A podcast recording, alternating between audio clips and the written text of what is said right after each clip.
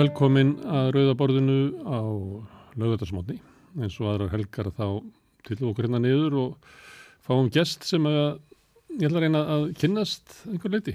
Kristir Hapsson er hinga mættur, reyndstjórið Víkilíks. Takk fyrir að bjóða mér. Já. Herðu, það er eiginlega hefði í þættinum að ég spyr fólk svona hvernig það muni svona fyrst eftir sér, svona í hvaða, hvaða heim það kom inn í svona. Já, ég held að fyrstu minningarna séu svona frá, uh, alltaf ekki fjóra, fimm ára aldri. Uh, það sem að ég býð þá í með fjó og fjölskyldan í, í, í kjallara íbúð í, í máaliðinni á ömmu uh, á meðan að koma sér búsnaði í felsmúla Ó. og ég malu eftir svona myndum þaðan skiluru það var ekki mikið að ljósmyndum tegna þannig að ég veit að þetta eru svona sannar svona hu hugar myndir sem eru meira svona tilfinning heldur en eitthvað annað sko. En, eh, en þarna mann ég fyrst eftir mér. Ég mann eftir svona sviðsmyndum úr stofuna sem var verið að hlusta útvarsleikritið maður svo gamall fyrir tíma sjónvars og uh, og uh, eins og já, húslestur bara. eins og húslegstur og auðvitað kom alltaf úr gamla lampatækjunu ah, já. Hérna að þú nefnir útarpið, stundu finnst manni það að, að útarpið hafi á þessu tíma að því að það var svolítið öðruvísiðar í dag, svona einhver leiti svona mentamann. mm, maður satt svona sem barn og hlustaði á alls konar hluti sem að maður hefði líklega aldrei valið sér ef það hefði verið meira úrval. já, já þetta var alltaf bara eina stöðin og, og, og dældi út uh, maður alltaf fekk uh, fréttinar með, með soningunni og, og, og, og karteblónum í kvöldmættin og, og það var fiskurum borðar og hlýtt af andakt á kvöldfréttir. Á meðan að vera að borða. á meðan það var að borða. Ég held að það var að flestum heimilum. Þetta var svona stundagsins þar sem að stóru tíðindin þungar og mikla rattir Jón Múli og félagar og Pétur uh, demdu yfir, yfir mann uh, hérna hörmungasögum frá Biafra og, og, og svona sem var eftir bauði um, þannig að það var mikið respekt. Þetta var kirkja, þetta var svona þjóðarkirkja sem að koma hann í gegnum viðtækið. Sannlega segi ég yfir í fréttur þetta helst. já, Svona stemmingin. já, Herðu, en í kjallaranum hjá ömmu, átti amma þá húsið já amma hennar maður þetta byggðu er þetta, byggðu þetta hús uh, uh, í svona félagi við, við önnu hjón, þennan enda þarna í máliðinni þegar þetta er byggt hvað, 46 og er svona jaðar, jaðarbyggðarna þá Já. Og hvernig fjölskyldur þetta? Þetta verðist inn í mín fjölskylda borgara, fjölskyldu? Að þetta er nú svona dálítið, flækja þarna inn eða verður húsum uh, svona áa mína sko. þetta, er, þetta er svona hefðböndin íslensk flækjusaga úr, úr öllum ekki öllum landsfjörðungum en allar minnstakosti þremur. Uh, pappi fættur í, í, í lausa leikuvustur á héræði í halgjörðum skandal. Í skjóli uh, pressins í Vallanessi þar sem að amma heitin var hjá sístu sinni sem var, var pressmadamann uh, þannig að pappi er skilð þar eftir og setna verður tekinni fóstur af, af, af ömmu sýstu minni sem að síðan deyrir hann ás þannig að hann elst síðan upp hjá ömmu svona af á, á blöndósi uh, húnvetningur. Um, en, en síðan, síðan hérna kemur hann til Reykjavíkur þegar þegar hann er 14 ára gammal eða svo fyrir íðskólan mamma er hins vegar að vestan fætt á Ísafyrði frá félagsbakarið og, og sjómasættir eins langt aftur og hættir að, að rekja í þeim fjórðingi Þannig að, eh, já, þau eru bara svona, fólkdra mín, svona ung hjón, eh, eins og var algjörnt á þessum tíma á 7. ára tögnum, kon með fimmana fjölskyldu og þrjú börn, tveggja og þryggja ára millibili, orðin hálf þrítug, kjarnafjölskylda og í skítabastli í kjallaranum að byggja, eh, frekar látlösa litla íbúð upp í, í fjölbíl upp í, í felsmúla. Hvað er þú í rauðinni? Ég er þessi heppni, ég er einu strákur nú í miðið, Ó, Það og getur- þú degraður frá... ódegur að segja sýttum mínu sjálfsögðu. En, en við hefum einn hálfbróður sem kom svona undan. Já. sem ólst upp hjá sinni móður. Uh, já já þetta var.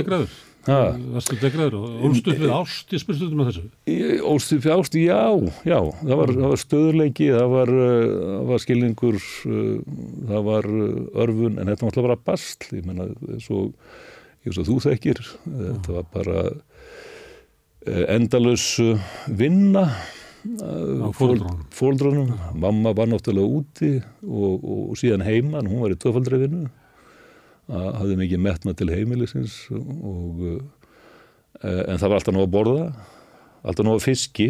Ha, þegar maður er að kvarti útlendingar og segja að maður hafið tuða það allar barnað sko, að maður er endalust að borða hennar fisk. Þetta er náttúrulega luxusvara í dag og maður vantilega býra því að hafa alveg upp á þessu góða fóðri. Já, var einhverju verður vegna þá var ég eitthvað að hugsa um þetta daginn að ég var hérna uppi hjá honum Fúsa sem er í fiskbúð og spurði hvort það verði ekki svart fugl það má ekki selja það lengur. Og þá voru við bara eitthvað svona spjalla og þá ríðast við fyrir svona kjötmátina voru lifur og svartfugl já, reykt trippakjött já, það já. var ekki og það var eiginlega fiskur á borðunum alla vikuna. Alla vikuna, kannski svona einhver, einhver unna kjötur, kannski salt fiskbollur, svona kálböglar einu sinni, og svo var þetta kjötmáltíðin um helgar. Og þetta var mjög einhæft en, en holdt, svona stórt held yfir hérna, ekkert að kvarti við því. En, en eh, þú veist að segja svona sögum um, um svona bragð lögana og hvernig þeir voru ertir að, að, að, að við eigum sérstaklega nafni yfir þriðja kryttið fyrir ofan á salt og pipar. En, en eh, það var ekki þetta var, þetta var ekki engin óskaplega fjölbreytni og mjög einhæft en, en, hérna, en það var þetta búið, það er þetta búið til elda fiska og ímsamat og steikjan og sjóðan. Og eitthvað virka þetta því að hérna, þín kynslu er líklega hálfum haus starra en fóröldraðinir Já, svona cirka Já. hmm. En, en þú segir, fóröldarinn koma í bæinn, en þú ert reykingur, ef ég myndi spyrja þig. Já, já Þú ert ekki með svona þorpið eitthvað stór út. Nei, nei, nei, nei, Ja. nei, nei. Ég er, ég er búin á barðfættur hérna á Brostur upp á Malbygginu. já, já, já, já, já. Ég var að fletta því upp að eins og flest íslendingar í dag ég, er að fletta upp um daginn að þegar ég fættist þá voru íslendingar 180.000 Já. og við höfum tvöfaldast að þessari skömmu æfi minni eins og ég vil segja Það er ekki eitt sem er breyst, Já, að ég var eitthvað hérna, að skoða þetta, að þegar ég var sex ára, mm, þá voru sko helmingi, hlutfastlega af mannfjöldunum, mm, þá voru börnin helmingi fleiri en þeir eru í dag. já, og þegar ég er hérna krakki og svo þeir eru úlingur það er alltaf sko þannig að þeir sem eru börn í dag ég, ef við varum að lýsa heiminum þar sem hann bara fór út í göduna það var fullt af krökkum að leika þessi veröld er náttúrulega ekki til leikur sko. það eru svo strjál börnin sko. já, já og þetta voru stórir bekkir 33 í bekk, hvað þótti alveg bara allt í lagi. Um, já, já. Nei, nei, ég er ekki yngur, en þú veist, maður er með þessar tengingar og, og, og, og, uh, ég var í sveit þarna hjá Afa fyrir austan á sömri, ég var polli. Misti það, það með náttúrulega uppeldun og, og, og var alltaf skýtleilur í fótbolta og, var ekkit í þeim hópíð, svona í hópíþróttum og svo fyrir vestan, er þetta kom ekki ekkert vestu fyrir að mamma voru að vinna sem fórstuðu kona á, á skjóli fyrir aldra þarna í, á Ísafyrði uh, á tíund áratögnum að, uh, að uh, þá fann ég bara hvernig, hvernig svona töðan að þöndust. Nú, er komin heim? Já, ég, sko, ég hef alveg ótrúlega sterkar töðar hann að vestur. Ertu með svona vestrand skap? Uh, Það veit ég ekki, er það ekki vond lund og, og, og mislind Næ, ég veit það ekki. það sjálfstæði svolítið það Já, finna svolítið til sín vestringar já meirum, meirum vestmanningar nei. Mér finnst þetta fegustu, stað, fegustu staður ég aldrei gera þarna fyrir vestan. Ég átti þess kost núna í, síðan í, í um, þegar ég tók svona aðeins pásu á þessu vikilís starfi og var svona bara í hliðaverkarnum. Ég var tvöð sömur á Snæfjallaströnd, gekk hann aðeins í gönguferðum um og yfir í Grunavík. Uh, það er einhver kingi þarna bara sem að sem að er ekkert að lýsa. Maður er bara er, er snertur sko einhvern veginn af þessu umhverfi. Og, og sögu um, ég veit ekki hvort það hafi móta mann þessi saga að, að, að, að, að vitandi það hvers konar harð, harð hvað, hversu erfitt þetta var þetta, þetta, þetta lífsbastur hérna fyrir, fyrir vestan sko langaða minn er, er veist, af, af örriðiskoti í Selordal mm. og sendur það heima til að gringa hans á ómeðinni í fóstur uh, er síðan 14 ára gammal uh, þegar að hann er munstraðið sem háseti orðin fullorðin og sama voru þá um bæði föður sinn og, og, og fóstra í mannskaða veðri þar sem að 50 sjómenn drugnuði ah.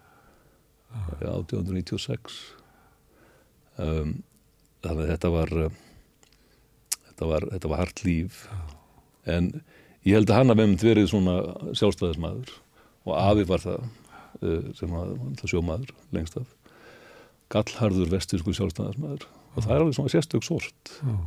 Með stóru essi þá sjálfstæðisflokks Já, ég, ég, þessi þetta, þessi andi sem var hérna yfir, yfir flokknum þessum flokknum fyrir vestan var mm.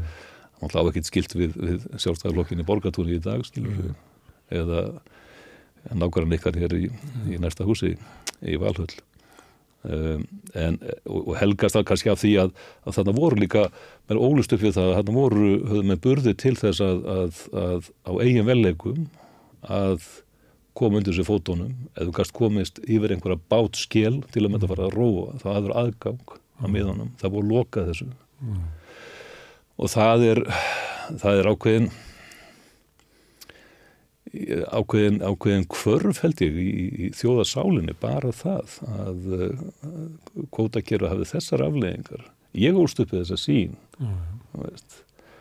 Þú hafðir alltaf þessa, þessa hugsín veist, að, að geta uh, farað á sjóin og, og jætna komundi því einhvern skil mm. og stakka síðan og, og, og láti hlutin að velta ég hugsa þessi hugsín og drömsín og svona framsýn hafi verið aldrei kjarnin í, í, í sjálfstæðis andanum sem var hjá flokknum fyrir vestan sko. mm. Og mjög sterkar ég manna tengslu við Káranhjúk og svona þá var svona verið að tala um hálendið að það væri svona hugmynd í okkur um að, að við getum farið ángað eða eitthvað svona það væri eitthvað sem að Já. hjarta Íslendingsins væri grafið á hálendinu eitthvað nefnstæming en það að sjórin er náttúrulega miklu sterkara þannig fyrirbyrði sko. því að lengi var litið hálendi sem bara til trafala sko, erf, erfitt og yfirferðar og, og hættulegt hættulegt sko, maður voru ekki að leika sér það sko Nei, sjórin var náttúrulega líkitinn að því að geta brotist mm. út úr sko já. helsi sveitana sko Já, já, og náttúrulega var náttúrulega stoppað af bísna lengi af, af, af valdaöflum hér að, að koma veg fyrir alla því að bílismyndun og, og, og halda mennum kannski bara í ánauð og senda menn í í þrældum niður að, að, að verunum til að fara að sjó mm. Þetta er, er svona þetta er, þetta er, þetta er mikið saga hérna í, í vestfjörðu sem að uh, sem við mikið gleyma. Þetta var, var, var líka sko auðlega að kista þetta kom útrúðnisvermættin í ár hundruð mm. og, og, og þarna ekki ströndi gullið í gegn í landið. Um, en, en við einhvern veginn í falsmynd sögunar að þá einhvern veginn upp, upp hefjum við sögkindina sem, sem grundvöldur alls. Mm. og svo mjög að, að, að, þetta jáðra við ástúð. Ég skil ekki því að hverju rollan er ekki bara í skjaldamerki mm. landsins. Herðu, en fyrir maður aftur hérna í hlýðarnar, það sem að þú mm. sittur hérna, hvað er að segja, svona 7, 8, 9 10 ára, kannski farin í felsmúla þá. Það er hlustu á fréttinnar Og þetta við erum í svona eh, Reykjavík svona eftirstýrsáruna mm. Guðbergudófum daginn. Og þá var svolítið verið að tala um það að hann var að fjalla um, um svona, þetta samfélag sem var samfélag stöðnunar lýsir hann. Mm. hvernig hérna þú ert með fjölskylduna og svo ertu svona með hverfið og svo er einhver heimur sem að ómar á um útörpis og hvaða heim ert að koma inn í svona þegar þú ert að skrýða til vits og ára Það lýsa því? Kanski ekki beint út frá þeirri skinnjun sem að var að skinnja svona í heilstætt þetta náttúrulega var, var, var klafa samfélag sem að komast náttúrulega síðar uh, en Uppgöttaði þú að þú hefði mikla möguleika? Varst þú með drauma um að gera eitthvað og breyta eitthvað eða falla inn í þetta eitthvað? Já, ég held að það verið fyrir eitthvað dreyminn sko og las alveg vonu viti frá því mjög snemma sko og, og, og var taldið mikið í, í bókonum sko. uh, en uh, það var stöðut uh, einhver, einhver þrá í að, að, að fara út fyrir að ramma og, og, og forvitni endalus djöful forvitni sem var rakmann alltaf einhvern veginn út af einhverju mörgum og, og snemma koma sér úr landi og reyndi sig sko. ég upplýði ekki ekki svona einhver sálarhöft. Þetta var frjálssamfélag Já. og maður gætt, eins og þú segir maður, þú veist, var uh, líkla vatna því liði til að maður, maður réði sér til mikið sjálfur. Já. og það er alveg ótrúlega frelsi um, sem að fólk myndi Jésús að sé baka fyrir ef það er svona hugsa tilbaka. Uh, og þar voru endalusi leikvelli, það var áskilíðin og, og Bönnin aðla hvort annað upp eiginlega Já, og, og, það, já, já, já, já, en, en uh, samfélagi var, var sannlega mikið æfintýri uh, og möguleikarnir uh, hvað mér var það fast mér endalösir En eitthvað út úr samfélaginu eða hvað? Þú veit ekki verið að lögga eða Nei, já, ekki nei, Það er grunum að væri eitthvað aðeins í byrtu Já, það var, það var alltaf eitthvað, eitthvað meir Þetta já. var svona maður vildi læra endalust og, og, og, og verið einhverja lærdómsferli að, að soga inn og skilja. Eh, það er, það er svona drivkvæftur og það er svona reykum að svo í bladamennskur til að vilja greina og skilja. Hvernig kemur svo hugmyndum að vera bladamæður? Ég veit ekki nákvæmlega. Það voru alltaf til bladamenn það voru svona menn sem döttu inn í þetta. Nei og já, þá það voru nokkur sem já, hefði gert þetta af æfi já, já, Það voru hérna það gerði svona kannski áfengum uh, ég hafði ég hafði svona táningsárunum mikið náhuga á, á bíó og kvikmyndum og langaði uh, langaði að fara í það. Ég sótt um skóla þegar ég var búin með hamarliðna og var eiginlega svona alltaf að banka upp á og gerast bíókall. Um, eh, hérna. Þá kvikmyndarleiksturi Já, en ég, ég var ég, ég man ég sótt um ég var svo hérna þver þá sem nú að uh, hérna Eh, ég sóttu bara eitt skóla í, í London mann ég sem, sem bauð upp á svona meðvitað kvíkmyndinni tæki til að greina mm. svo ég vilja bara fara í heimildamönd að gera eitthvað slíkt sko. ég hérna komst ekki inn í fyrstöðuferð og ákvaði að sækja matur um og kannski vika þess út en svo gerist það hérna í mildtíðinni hérna og kom eiginlega heim til Íslands til að fara í háskólan eiginlega til að, til að svona, ná mér einhverja punta og, og, og dreifa tíman á meðan ég myndi sækjum áfram mm. sko. en uh, á miðum þeim vetur þá hérna, verður pappi brákvættur og, og það það setti manni aðra stellingar og fann til einhverja ábyrðar þannig að ég veit að hann er stjórnmálafræði og verða skakast þar í einhver ár mm. og uh, og þar, þar verður svona sko, skapast þessi sín á að, að þetta getur verið starfsvettangu sem hentaði mér. Já. og ég byrjaði þarna að banka upp á og, og fæði ég jobb. Hvar? á útarspilum mm. uh, voru 91 það var búin að vera eitthvað svona frílands áður. Bara í upphafi Davíð Sárana Ríkistjórnum ímynduð í, í, við þeim Þetta er, þetta er, þetta er mikið átaka, átaka ár.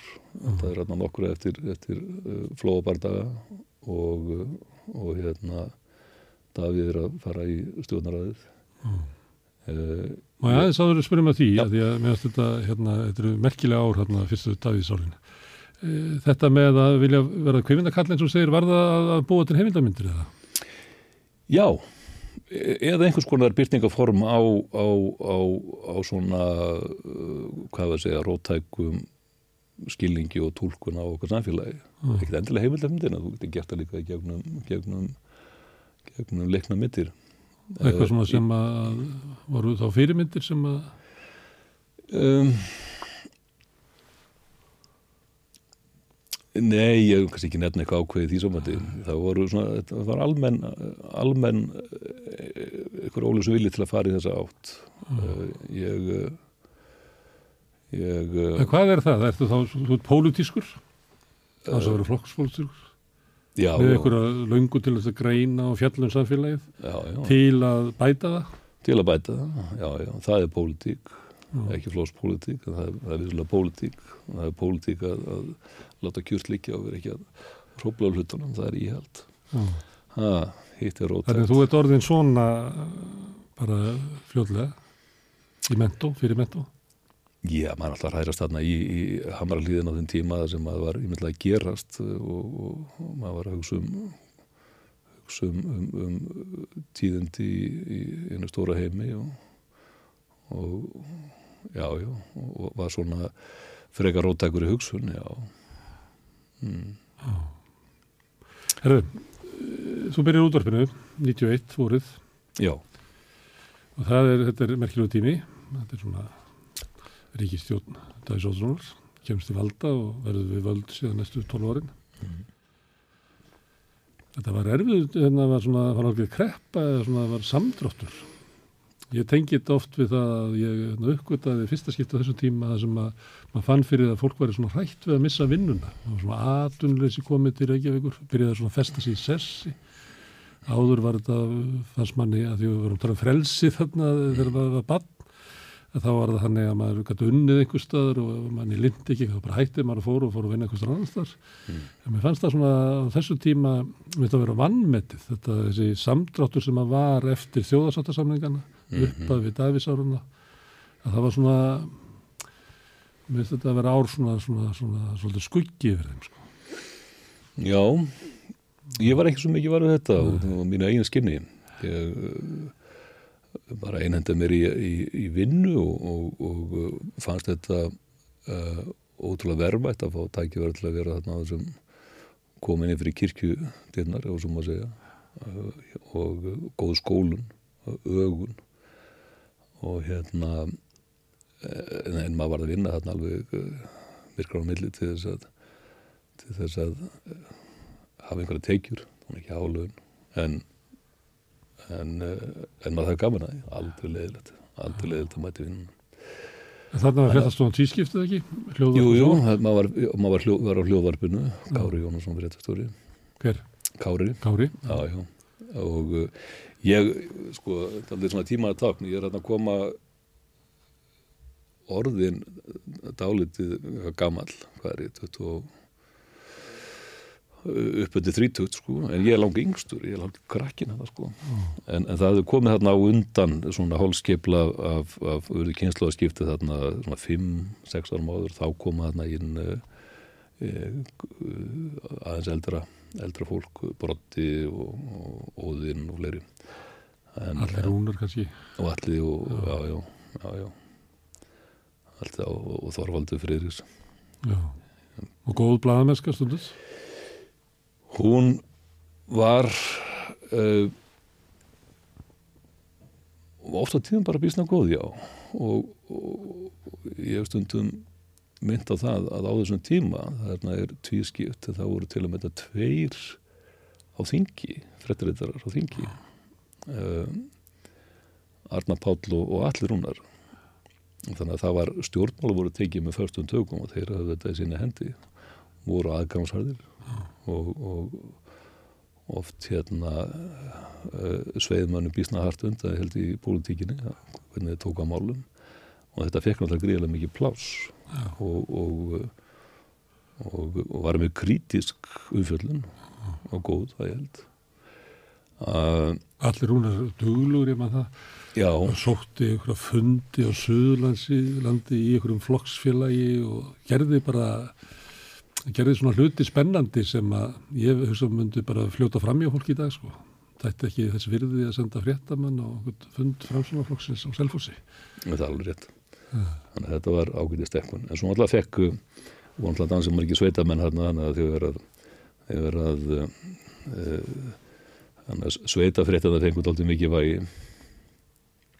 Uh, ég held að ég, það var sagt svona gaman svo því, ég held að fyrsta verkefni sem ég fekk frá Kára, ég, ég þá held ég að vera að vera að kjöldra af mig mm. nýgraðingin mm. það var eitthvað á það vegu að ég ætti að fiska upp að hann eftir spurnar því einhverstaðar í skagafyrði hefði bóndin okkur gert ágreining um, um, um þær fjárbætu sem að fekk fyrir niðurskurð vegna riðu mm. uh, á þeim grundvelli að, að, að, að hann hefði rektað upp ofurfjö og ætti að fá meira heldur en meðal meðal hérna greiðslu og, og, og vinnar að kára að hann hafa haldið fram að það var auka rif í, í rollunum hans mm. og sem er verið mæti í kótilegtum talið já, já, ég, ég hérna þó ég hefði nú verið sveit að þau af að það var polli fyrir austana þá er ég náttúrulega af mölinni, þannig að ég leitt svona já á þá sem var í kring og, og mm. það, það brá engi svip, þetta var stófrétt svo ég leggst í síman og byrja eitthvað að finna út úr þessu og kema tóm og kóanum allstaðar það kannast engin eitt við þetta og ég eiti heilum degi þetta og gefa morgum hundaginn eftir og því það, það er, það, það kannast ekki jú, haldu, haldu, haldu við þetta og þarna var ég orðin sannfarðunum það að vera að gera grína mér heilega sko. mm. og, og svo lendi ég allt í á einhverjum ringi einhvern norður og, og þá var það náði í lögfræðinglósi sem að staði fyrstu þetta. Stór tíðan, ég held að það verið fyrsta frétt í hádeginu. Þessi Um, þetta eru ennþá fréttir, það eru svona deilur ekki ég er endur um að auka rif. Nei, núna, nei. ég er ekki í húnafíslu það sem er verið að deila um hvort að bætuna séu nægar. Og, og hvort það hefur verið tilgangur með niðurskurðunum á, á fínu. Þannig að við erum ennþá þarna. Já, já. Eðlilega kannski, þetta er dramatíst Þetta er drama Dramatíst Þetta er bara eins og drama í, í landamerkjadeilun sem að dómurum finnst alveg einstaklega kann að fá hann að borti sín. Já. Það er ekkert eins meira spennandi. Herðu, hérna, Ríkisútarpið, ég man eftir hann, hérna, Adam Curtis var ekkert um að tala um, hérna, svona stöðu fjölmjöla, svona sjónarhóttn okkar flera. Og hann eh, orðar þetta eh, í svona einfaldri endursögn, eitthvað niður þannig að þegar að BBC var búið til, Ríkisútarp og síðarsjórp, þá var fólk að velta að vera hvaða, hérna, hvernig, hvaða fyrirbrið er þetta? Og þá var niðurstaðan svo að það veri eðlilegt í, í líðræðsluður samfélagi að ríkis útvarp endur speklaði sjóna með þeirra stjórnvalda sem að, almenningur kísi það væri þetta, væri þá eðlilegt að og þannig var BBC svona fram á sjönda áratugin að þá verður til svona líðræðisspilting bara í heiminum. Mm og þá er hérna koma eiginlega inn það að sko sjóna með almenning séu svona sjálfstátt fyrirbriði sem er svona fyrir utan stofnaninnar og það verður þá líðræðið spiltingin í fjölmjölunum sem hafði mikil árif og það er náttúrulega þau fjölmjöla sem við að einhver leiti gengum inn í. Og, og, og ég meina stofnum dagblassins hlutið að þessu mm. svona óróleiki á ýmsum hérna vikstöðum, þetta gekk náttúrulega mislánt hérna, eh, mokkin er kannski á tíund áratugnum að reyna að slíta sig frá sjálfstæðarflokkum mm. eða hafa einhverja sjálfstæða afstöðu í einstakamálum mm.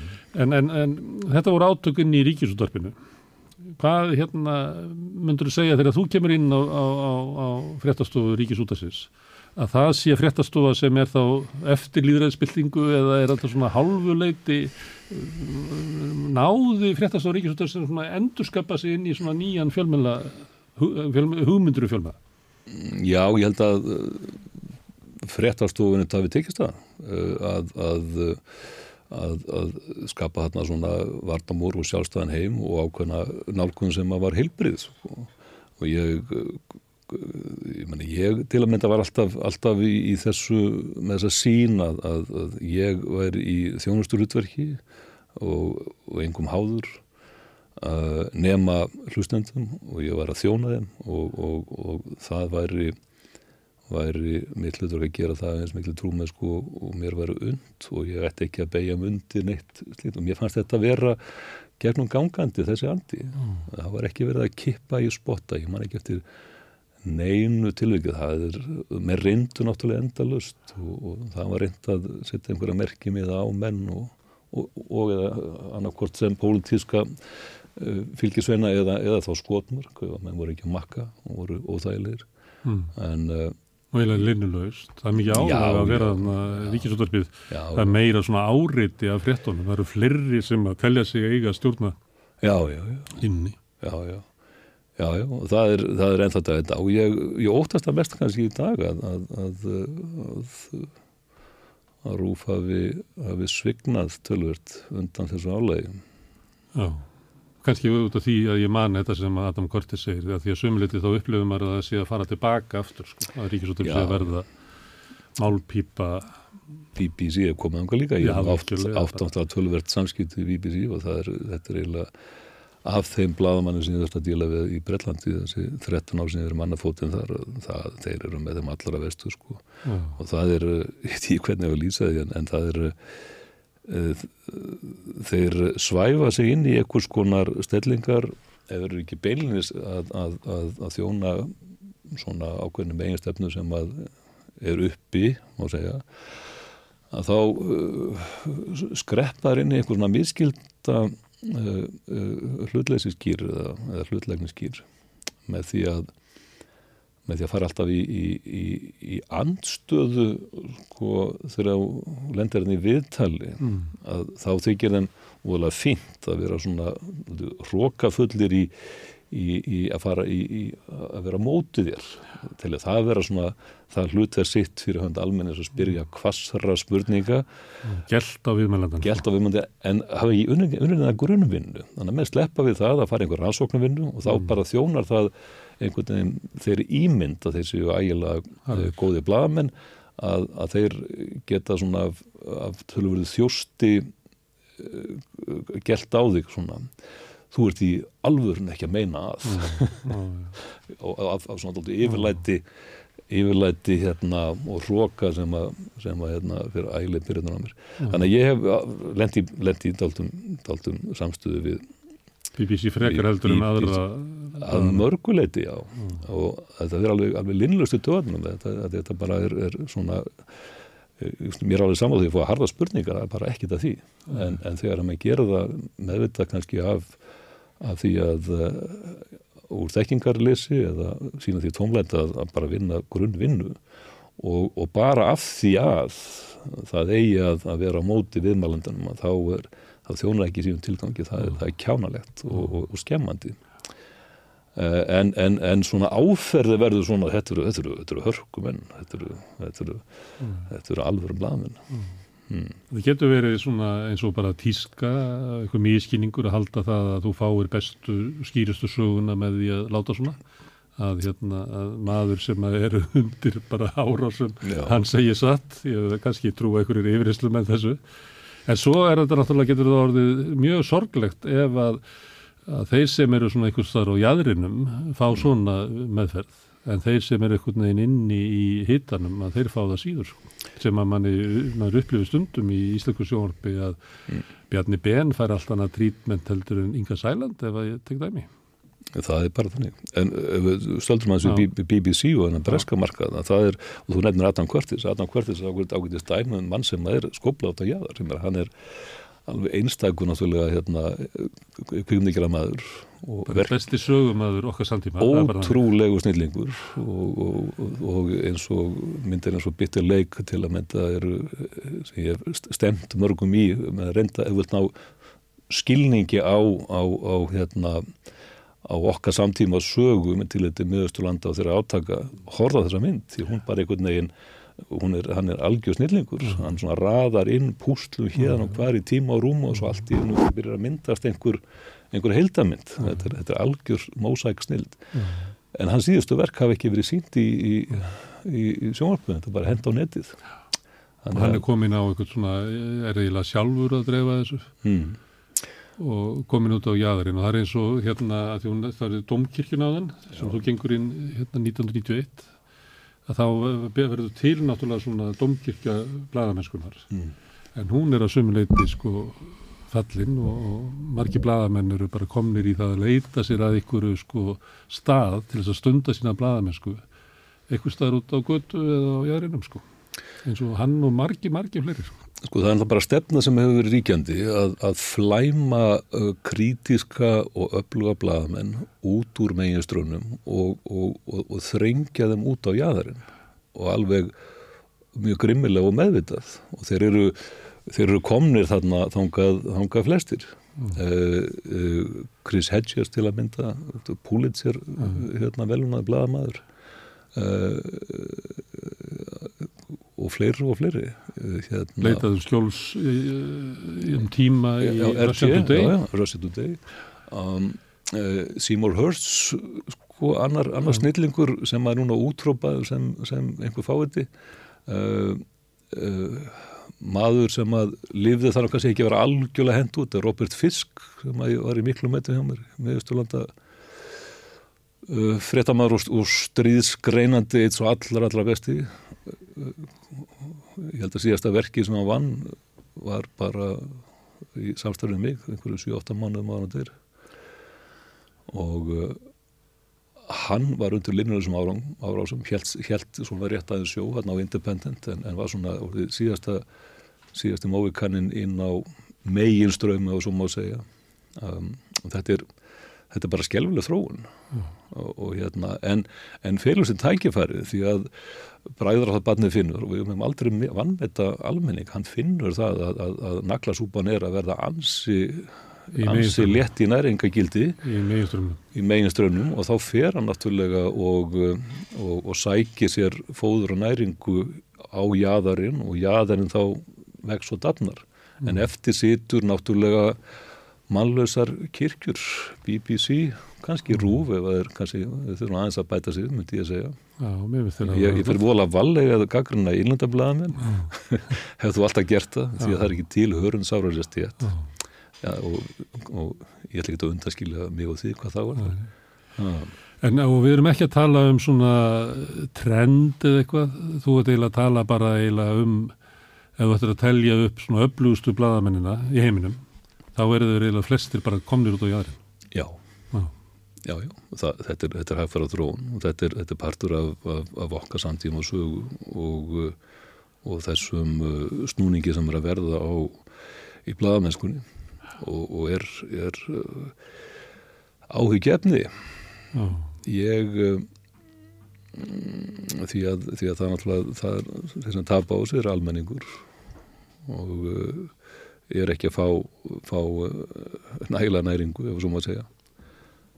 En þar er þetta vindaður ofan aðeins og þetta er, þetta er óskaplega sorglegt og hérna ómur þetta spá sko hvert þetta fer vegna þess að við tökum hérna tímabili, ég veit ekki hvað það er langt, kannski frá svona 1960 til 2000, eitthvað svo, þessum að sko bladamennska e, er stunduð á miðlum sem eru efnarslega sjálfstæðir mm. og hafa ráða við að vera með rannsóna bladamennsku eitthvað flera að þá er eiginlega þessi greining og mm. þessi umræða inn í svona meginströmmnum í miðju samfélagsins Já. Núna er, hérna, er valla meginströymurinn lengur í miðjunni vegna þess að hann er miklu veikari en hann var áður og held, mm. getur ekki haldið utanum, hvað við segja, líðræðslega umræðu í samfélaginu. En síðan er kannski það rótakasta greiningin og besta, hún er komin eitthvað sem hefur ekki aðgengi að þessu sem hann hafiði áður, mm. sambandi við það að hafa áhrif og, og raunverulega uh, vittni þig það sem að vilja greina til þess að hafa áhrif á samfélag og bæta það. Mm. Þannig að Já. það er ekki alveg fyrir séð á hvaða tíma við erum, kannski erum við á, á post-bladamennsku tíma sko. Sko við, erum náttúrulega, þetta, þetta, þetta er svo margir marg, marg þræðir sem spila þetta saman á, á þessari öld, mena, við, við byrjum náttúrulega að, að okkar, okkar okkar, okkar svona vestrann samfélagi og vestri Európu og, og byrjum náttúrulega að skrika fótur all, all hratt undir leiðsögn og, og stýringu nýri óefni af, af, af heimsveldinu eina eftir 11. september og, og það, þetta er það er ekkert komið ennum viðsnúningi þar ennþá.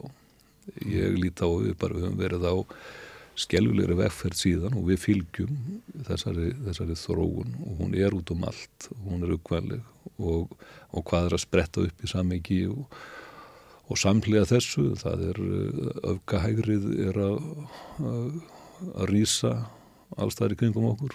Og og, og, og síðan allskyns hinduvitni og, og vittleisa sem að tröllriður sem er aflegging þess að sko meginströðs fjölmjölanir eru veikir. Já, og á sama tíma alltaf erum við líka að tala um ákveðna tæknibreitingu sem verður náttúrulega í þessu fjölmjölu umhverfi ég var eitthvað að stríða með prentsvörtu puttana, ah. þú ert út þeirri fortíð ah. ég byrja á ljósvakana ah. en, en sko þannig að, þannig að við erum að sjá náttúrulega kúvendingu á öllu þessu umhverfi ah. og það fylgur þessi tækifæri en líka, líka erfileika þú veist, ég menna, ég veit ekki hvenar þú veist, við, það, þetta, þetta er fámest eftir það blamenn á Íslandi þannig að séð og hefur ekkert fjölgað Það er byrkt að tölur Flest, um flestir eru í þetta. PR held ég sem er í blaðmannafélaginu Já, já, ég, þetta er, það er byrkt að tölur um fjölda fólks sem að vinna við fjölmiðla mm. Og fallið er svo mikið að ég bara eiginlega trúði mikið sko. Þótt að ég hafi kannski verið viðstættur þetta og síðu þetta þá er fallið svo, það er svo stórkostlegt sko. Já. ég man ekki hvernig tölunir er, bara eitthvað úr 1200 niður í 300 eitthvað svo. og þá eru það að telja alla með sko. Já, þetta er svakaleg, svakaleg þróun og þetta, þetta er og um leið náttúrulega svona ákveðið vilja til þess að, að, að bara íta undir þetta þegar mann finnst þetta ágætt því að, að, að ekki gleyma því að hans er störkum öflugið samfélaginu finnst náttúrulega alvöru blaðmerska að vera til mikillar óþurftar mm. sem hún er ef hún er að grafa undan misbeitingu valdsins þá náttúrulega er hún til óþurftar það, það er ekki, ekki góð gaf að segja að þetta bara, mann finnst þetta alveg ágætt uh, en, en, en þannig að þetta, er, þetta spila þarna margt, margt saman sko. Mm. og svo ef það er svona megin ströymur það sem að sko blaðamenn voru að vinna við að dreifa upplýsingum Mm. og þú veist það um fjölgun PR-manna þá er það líklega þannig að ef að fólk segjum bara fara inn á Facebook eða eitthvað sitið við ykkur á það sem að flæða upplýsingarnar Mm. að þá er ábyrðað sko miklu meirinn helmingurinn sprottin upp af sko framnýslu hagsmunu aðila sem eru eða búin að taka yfir stóran hluta af upplýsingarstreyminu Já, þannig þannig að umbreytingin er svo stórkværsleg sko. Já, og nú er komin eina, eina áskurðið bótt sem er hérna, gerfugreindin uh, gerfugreindin er fann að skrifa tölverta fréttum elendir og, og þú áttum að er með að sjá nokkurn mun uh, sem að mér finnst aldrei írónist uh, vegna þess einfallega að það er sönnum þess hversu innihaldslaust megna þessu er sem kemur er. og en, en það sem að gerðugræði getur gert er að, er að útrýma kannski alltaf 90% af öllum blaðmennum en uh, sem myndu segja að, að, að þeir hefðu mátt missa sín. Ef að, ef að vinnaður eða þesslega að, að, að, að gerðugrænd getur komið í staðin fyrir það við þessar, Já, við þessar þá er gerðvigrindin þegar orðin í haustum á blaðanum sem að fjármála fréttirnar sem að verða bara til úr einhvern afkomu tölum um hagnað á þriði ásfjörðingi og, og, og ebituna og allt þetta. Þetta, er, þetta pumpast út og, og, og þú sér ekki mun að því. Ég hefur síðan alveg samanburð á dæmum sem að uh, maður skrifaði og síðan gerugrind þetta, þetta er alveg sláandi.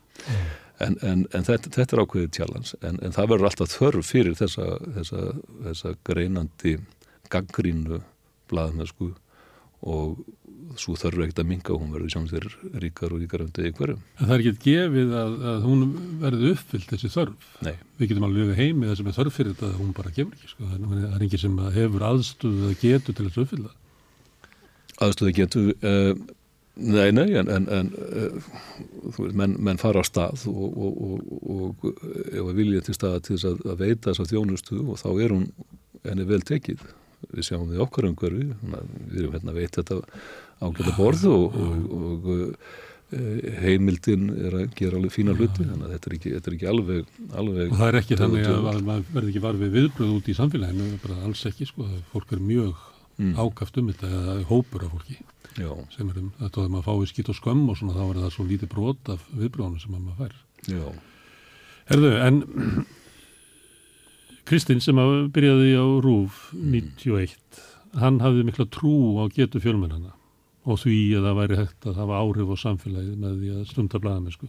mm. Kristinn sem situr hérna, hann með miklu svartari sín á, á fjölmennana og samfélagið. Hvað, Já og nei, ég hef alveg sömur síðan á eins og, eða eða getur blaðamennskunar, að það væri hægt að vinna inn, í, inn á RÚF og fleiri miðlum og, og hafa þessi áhrif, að, að það er, uh, það er eitthvað, það er Já, ég þú þú veist, veröldun hefur umturnast á þessu, þessu, þessu, þessu tímabili og uh, Útskýru það fyrir mér, Hva, Ég- hvað breytist? e, ég var aðeins að tæpa þessu, þróun sem að sjá á, á okkar heimsluta núna uh, á þessum árum sem að liður nú frá 11. september þe þe þessum 11. september sem að menn minnast í bandarækjunum, ekki þarna í Chile um, en uh, En ef við fyrir bara beint í, í hvað er konkrétt, já, ég hef trú á blaðmennskuna að hún í, í, í kjarna og hjarta geti veitt einhverja sálu hjálpa okkur og, og, koma okkur til góðs. Það er elementið þetta staðar. Ég er geta alveg verið, verið skýt svart sín og, og maður kannski hoppar fram og tilbaka í því en maður verður að hafa einhverja björnseinust trú um að það, það, það verði einhver, einhver, einhver bót á hvað sem að uh, það er uh, einhver glópa jákvæðin eða ekki sko. En, en ég hef alveg þess að trú og og, og held að eigjulum munir hressast. Það, það, það, það er allt mann finnur alltaf að krömar undir skilur mm. það er einhver það er einhver, það er einhver, einhver undir ólgan er alltaf þeir staðar og viljin meðan almennings um að fá þessa þjónustu og gera umbreytingar en, en það þarf uh, daldi mikið kannski til þess að, að, að hún raungeri síðan þessi vilji til þess að kalla eftir og íta undir uh, góða blaðamennsku. En ég hef trú á henni, ég hef trú að það, það getur get orðið. En, en dróttið með dýri, ég menna ég hef búin að vera þesslum slag núna í, í 13 ára að, að uh, maður hefði þurft að hafa sér alla við til að, að halda í, í bjarsínina mm. en en, uh, en hérna þessi vonanisti er að þetta til staðar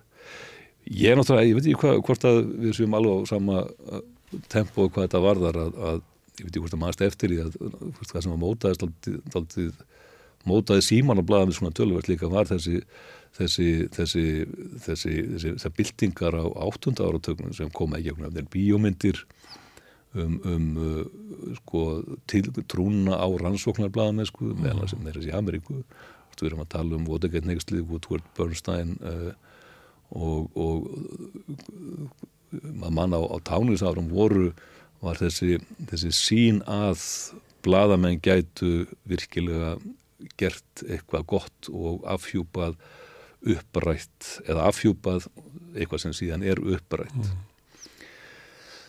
um, ég held að þetta sé að einhverjum staðar uh, og við fundum þá okkar viðbröðum ég held að, að vikilisafi til að þetta algjörlega verið, verið element sem að koma réttum tíma þegar við erum búin að skauta hérna í, í dæm tíu ár hérna nýri daldi mikið svartnætti með alveg gríðarlega lendarhyggju mm. og, og, og, og þessar sprengju sem að fjallu þá frá okkur 2010 og 2011 voru mörguð alveg tímamót og líka skopa ákveðna von og margt sem hefur síðan uh, unnist í kjölfari sem hefur verið á þessum móteli en það að það sé hægt að stengja út frumkognum afhjúpa stríð Írak, stríð Afganistan uh, uh, öll þessi 250.000 diplomataskeiti sem að, sem að gáðu náttúrulega ferska sín inn í og, og, það inn í, inn í, inn í uh, hugarheim og uh, hvað eina heimsveldið var að gera mm. og gera af sér þetta þetta var uh, vonanesti sem þetta vakti líka og, og, og þetta er ekkert sem er horfið þó að, þó að hérna, það sé línulegst eineldi og, og eftirfur eftir Julian Assange mm. það er ímestlega sem hefur komið í kjölfarið þessi um, alþjóðsambútur allsvokan bladamanna Panamuskjölin um, og svo framvegil mm. þetta er til staðar Já en, en uh, ansvarið er líka kannski sterkara eins og dæmi Julian Sands segja okkur Já, ansvarið líka ansvarið líka eh, sem ég oft bendir fólki á er, er, er, er líka ákveðin mælustíka á máttin mm. það að, að heimsveldið skulle hafa lagt á sig allt sem það hefur lagt á sig í, núna í öll þessi ár í að reyna að kremja þannig eina einstakling og okkur fáminana hóp í þessum samtökum mm. e, sínir hvað það er mikið að óttast það er hróplað svo rosalega við þessu valdi að það á ekkert að unna og eira neinu fyrir að búið er að algjörlega kremja líftóruna úr þessu þessu, þessum, uh, þessu litla lífi. Mm.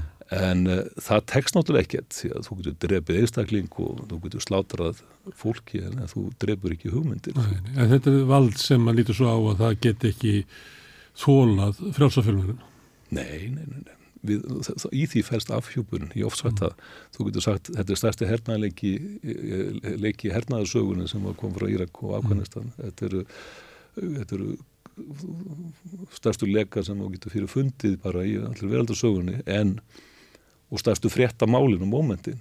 En stóra fréttin er tölverst í þessu viðbræði og, og uh, það sem að, að stórveldið eina sem er nú rætt að breytast afhjúpa sig og, og afhjúpar þennan þetta innan uh, tóm sem að er í þessu, þessum gildaflúri sem að við flegum í kringum okkur hér á í vinabandalagi við, við já, þetta veldi um hvað við verðum að verja. Frjá, frjáls fjölmiðlun og frjáls Gætum ekki haldið í fram að það bara hefði það betur núna heldur en nokt í mann áður. Þú nefnir til dæmis allt þetta talum um að NATO sem er styrta bandaríkjónum séu að verja öll okkar gildi og ég svo aldrei verið sko meiri velvili til þess fyrirbríðis heldur en núna sem er náttúrulega bara byrtingamynda og sko valdi heimsveldisins Sumuleiti þá hefur það bara aldrei verið sko sterkara? Um, nei, já, aldrei verið sterkara, ég veit það ekki. Það var alltaf veikt á tíumbilið, það var enga tilgang, það var enga tilgangslöst, það var svo mikið skelvilegu fríður í heiminum, mástu. Svo var hérna uh, ákveði NATO-samlýðsins virkjað til þess að senda hermenn til Afganistan. Það er að segja árás á einn er árás á alla og þessir glæpahópuð sem að flög flugvélunum á, á, á byggingar í Ameríku. Það þurfti að senda hermenn frá yfir 20 ríkjum til Afganistan til þess að svara því þar á meðal hermenn frá Íslandi. Mm. Um, en þess utan svona, var orðið svona döfulegt yfir, yfir hlutverki NATO í Európa. Meðan við farin að fara yfir í svona jafnbryttismál og umhverfismál, mm. NATO ætti að, vera eitthvað leðand á því sviði. En um, það sem að eh, það er sterti í dag hvað það varðar að eh, það er sterti í, náttúrulega í nefa þessu veldi sem að ræður þessu.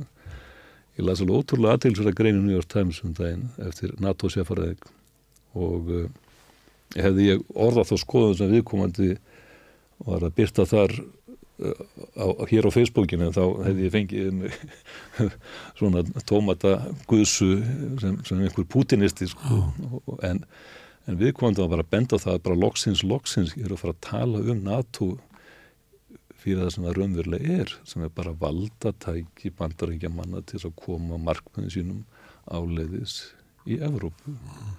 uh, og nota tækið og það er það sem að þetta var svo bligðunarlust og fallegt í sjálfum sér í því að viðkomandi sem var ákaflega, fannst þetta mjög jákvægt að, að loksins var hættum en að að, að, að mullum eitthvað sameila hagsmunni og sameili gildi. Bara nei þetta er okkar hamar þarna, sem við beitum fyrir okkar hagsmunni það er að segja bandaríkjamanna og vildi bara menn fögnuðu því og opnuðu kampænið flösku og, og, loksins loksins hætt að að, að eldast við einhverja óra og svona sigur hjúp á því sem að væri raunveruleikin mm. uh, mér finnst þetta mjög merkilegt að, að lesa þetta í svona orða svona, orða svona og Nei. fannst þetta merkilt að New York Times skildi sleppaði svona síðu sem, sem svona aðsend skoðanagrein en, en þessi er svona óbyrgast núna ég held að ja. það er óbyrgast að Evrópa er eiginlega bara leppríki í bandaríkina það er ekki að tala um Evrópu sem einhvern vald í alinspolitikinni eða það er bara, ég held að það sé bara 20 ár sinna með voru að ræða það, en núna er alveg svo augljóst að band, Evrópa er eiginlega bara eins og lefniki. Ég, það er eftir augljóst öllu nefn að kannski og helst hérna fólki hér á, á Facebookinni ah. á Íslandi, eh, það, það er bara þannig, það er bara staðrind, það er það er, eh, og maður fann að þegar maður komst út fyrir þessa bóli, fór mikið um Suður-Ameríku, eða Rómösku Ameríkuruna í vettur og, og, og talaði með marga pólitíkus að fimm fósetta kjarnaríkja í þeirri álfu. Og, og það var alltaf gott að komast út, að, út úr þessari, þessari bóli því að þó maður þykist vera ægilega internasjonal og er, er að eh, náttúrulega neittu til þess að vera með alþjóðlegur í hugsun og í svona starfi þá á einhversiðu síast inn þessi þessi bergmálshelli sem það er í. Og þessi litli skiki jarðkringluna sem að vestur-Európa er, er daldið svona lokaður hellir. Og það var gott að komast út fyrir þess að menn horfa til yfir hafið og, og á veruleikan sem er hérna hínum megin. Mm. og uh, þar sjá menn þetta alveg, alveg uh, skýrt í, í skýrum litum og tært og rétt. Mm. Það er ekkert í vafa um um hvað þessi átökaru Nei. Herðu, Julian Ansans hvað hver er það? Hann var mikið lárið á þitt líf. Já, já, okkar samstarf. Hann er ástrali og, og, og tölvunörd en, en líka áhuga maður um, um þjóðmál og,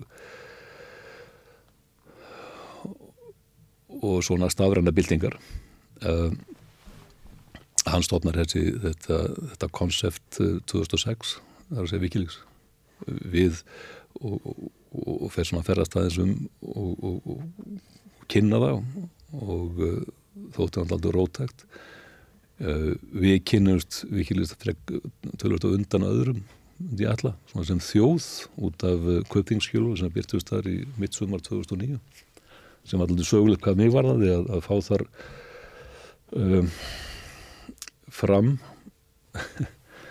staðfesting á því sem ég hafði sko sex mánuðum áður í, janúar 2009 haldið fram í viðtali sem átti að fara efni sem átti að fara í kompás en hún var slaufað þrejum kluktum eftir í tilkynnt að ég ætlaði að fara með þetta í lofti í næsta þetta og Ari Edvald hérna, laði niður þáttin og, og fylgdi mér og Inga Ragnari og, og Jóhannesi Káur út á, út á stjett mm.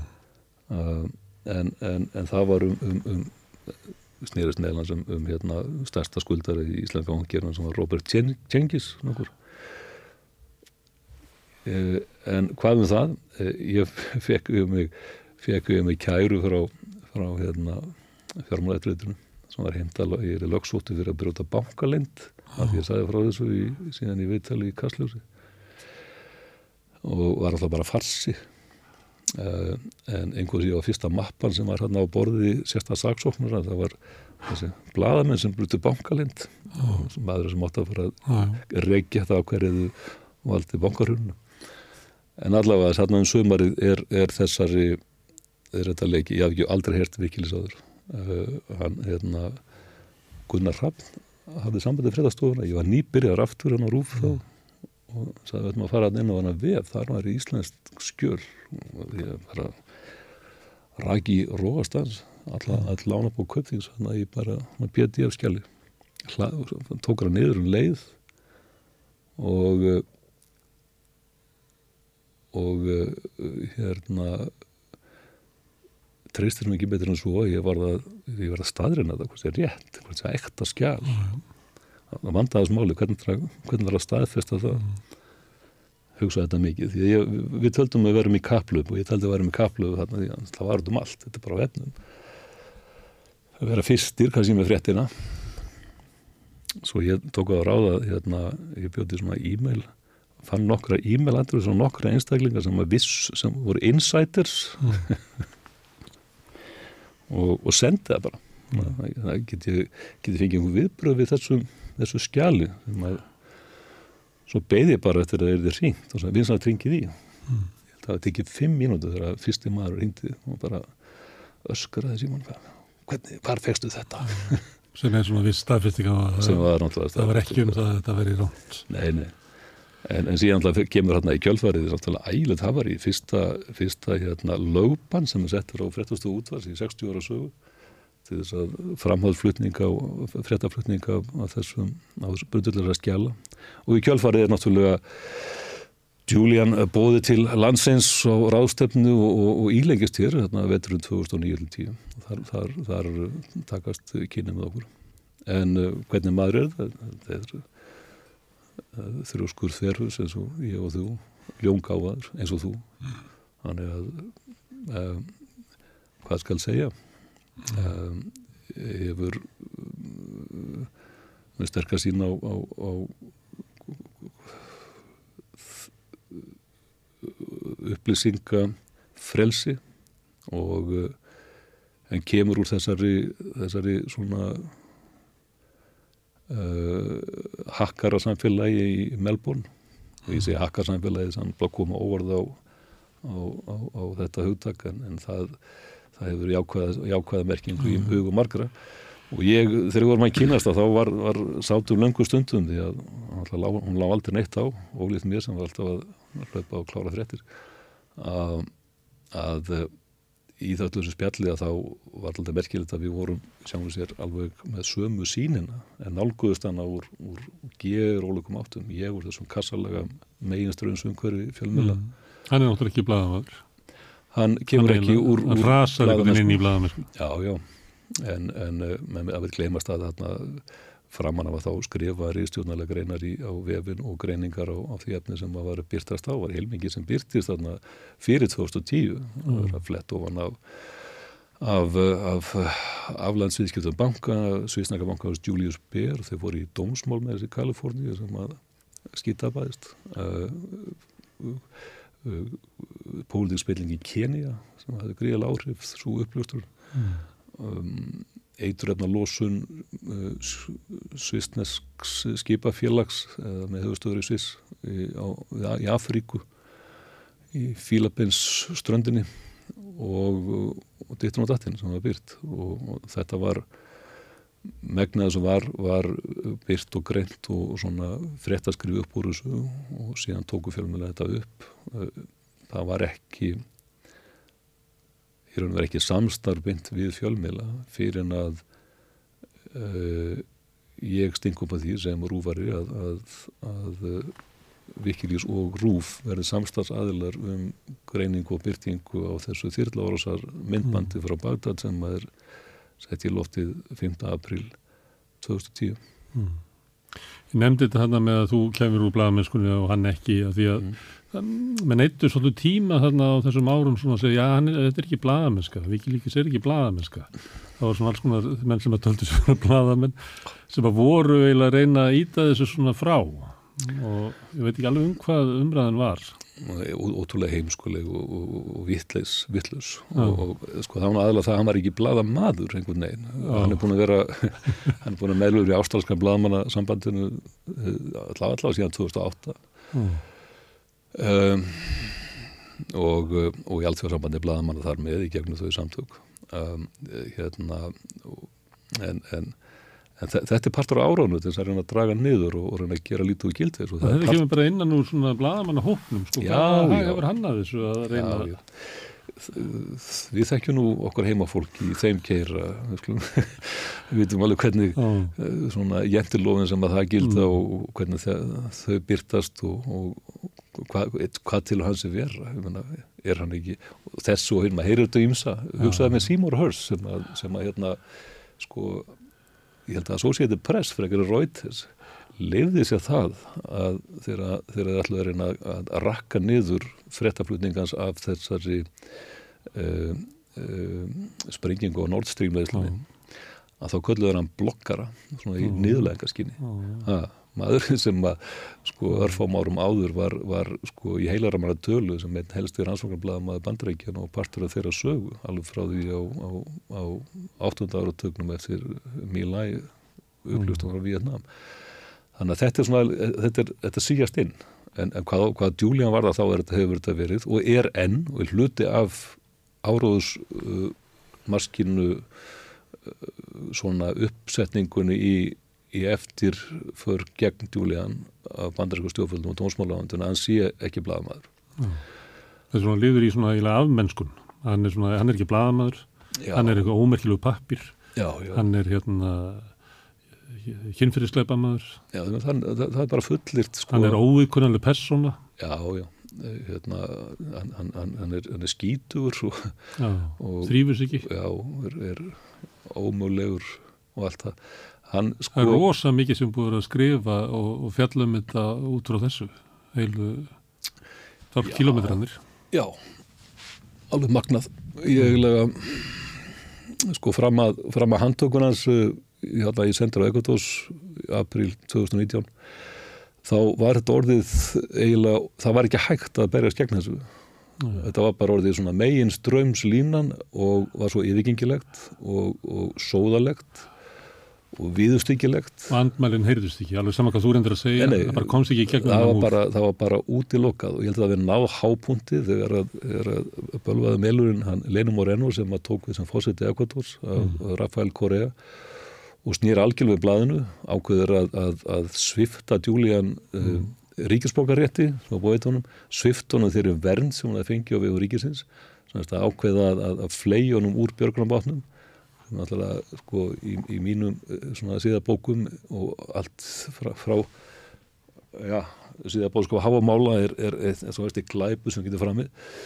Um, fyrir an, ansi marga silu peninga frá allþjóða gældarisjónum og, og hensbankanum nokkra miljardar dollara stöðning setur hann upp í hendur á, á, á hérna, bresku lauruglu til að þeir geti tryggt framsal til bandaríkjana honum er hleyft í 20 minna viðtal á BBC sem er einræða um réttlætingu fyrir því að, að, hérna, að, að það þeir hafa orðið að grípa til þess að gera mm. og, og þar fyrir sko, því líkar viðustikilega personárásir sem er, er hvergi andmælt eða reyndi einhvern veginn að tempera þetta var bara svona krana blaðmennska er mm. út að séu þóleggi en, en mm. þarna átti það við það sem að fósetti ríkisins sko fyrir að lýsa því að, að, að hann hafi sko verið bara villimaður sem smurði saur upp um alla veggi sendir á hann og ég ekki hvað og hvað. Mm. ég bara aldrei, aldrei hérna aldrei upplifa hana eins og þetta er Og þessu dreifðu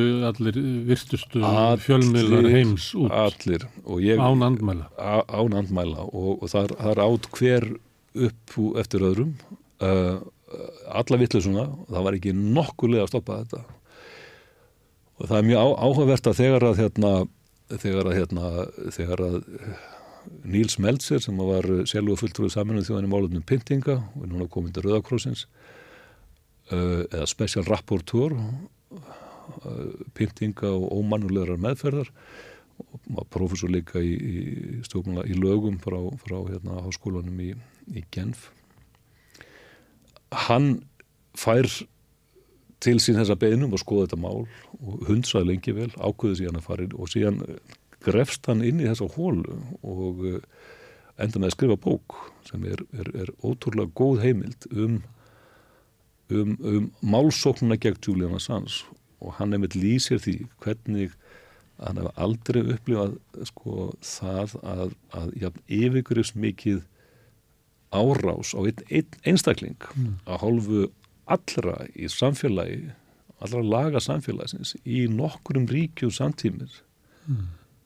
í bara sögunni bara public mobbing. Allir fjölmiðlarnir, ríkisvaldið dómsvaldið, allir. Það var ekkert skjól og það var búið að það var búið að sko uh, og svo náttúrulega er hann, er hann dreið hann út úr sendirraðinu fúlskjækjaður og einhvern veginn eins og einhvern villitýr mm. á mjög niðurlegandi hátt. Og uh, það var sá bort sem að við þurftum síðan fara að byggja upp. Uh, og síðan kemur alltaf daginn að er, þetta er bara mennsku maður. Það bara komu mörgum á óvart. Heyrðu, hann á hann á hérna gærust, hann á tvö börn. Mm. og svo framvegis. En, en sko ómennskunin var mm. orðin algjör. Og þetta ég hugsa ekkert meðal að þú farir í handbækur og, og, og, og virkilega góðan árangur sem að eh, CIA síndi í sínu starfi á, á sjönda áratögnum mm. gegn eh, þeim sem voru óvæðskilegir þeim sem voru í einhverju óvæðskilegir mannrættabaróttu eða á vinstrivæng það sem var bara heila handbók hvernig eigum við eiginlega orðspór manna þetta kemst ekkert í hálfkvisti við þessa mm. þetta einelti og aðfur að Julian mm. og sem að við um, frétta því hvernig var uh, reynda graf undan Martin Luther King já, John Lennon og þegar fólk þekkir þetta úr kaldastriðinu sko. já, já. þetta er eins og þetta er, sömulegt er eins og við sjóum komin aftur í svona kaldstríð sko. það eru sömul lögmál sem að gilda núna það sem að ríkisvaldið er notað til þess að grafa undan fólki. Við erum algjörlega komið ákveð, ímyndaði það. það í sko magnari, en, en magnari mynd, eða sko magnara afl núna en áður. Tekur þessum nýja myndir, við hugsaði það að við erum að hérna, rifja það upp nýverið að 50 ára liðum frá, frá valdaráni Pinochet og, og hans kona í Chile um, og vitum alveg hvers konar undirróðu var, var þar að baki uh, að hálfu uh, bandarsku leiðisjónastunnar með sérstaklega tilskipun stjórnvalda. Uh, það uh, það hérna uh, og ekki, ekki var ekki einskvorða við Tíle per se. Uh, aftökur án dómsulaga voru bara partur af uh, mótus operandi, það var bara aðferðafræðin uh, það var upplýst núna uh, fyrir tveim ára síðan að í, í rannsóknarblaða mennsku grein eftir, eftir uh, Mikael Isikov og tóða félagans í Yahoo News byggt á yfir 30 himmeldamönum, nafngrindum og vonagreindum að það voru dregin upp áform 2017 þegar að uh, Mike Pompeo er, er uh, fórstjóri CIA fór síðar í náttúrulega verðudrengisáþur og góðvinnur Guðlúst Hórs kom til Íslands.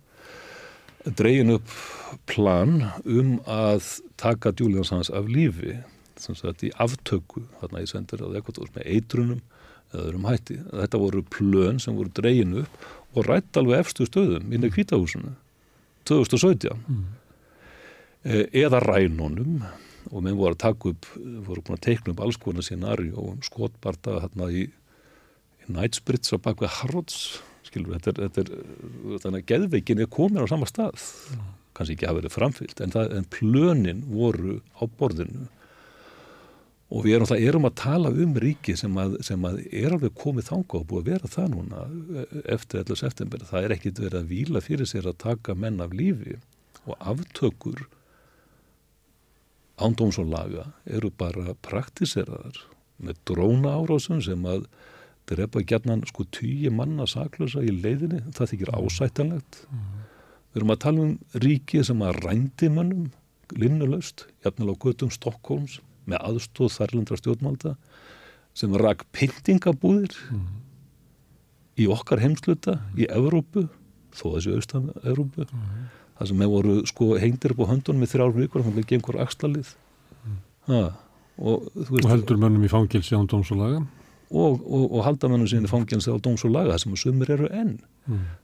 Hvaða gild eru þetta sem að eiga að vera svona hálit og falleg sko. ég held að kalla öðru, öðru kóru af einhverjum, einhverjum bjánum hérna, kanahattari mm. sem að, viðst alveg óbúrslega kjánleitt vegna þess að, að, að það er ekkert eins mér, ég, ég var fretturður í bandarækjum fullt á koma vinnum og ég hef aðtán að á mörgu sem að kemur frá samfélagi.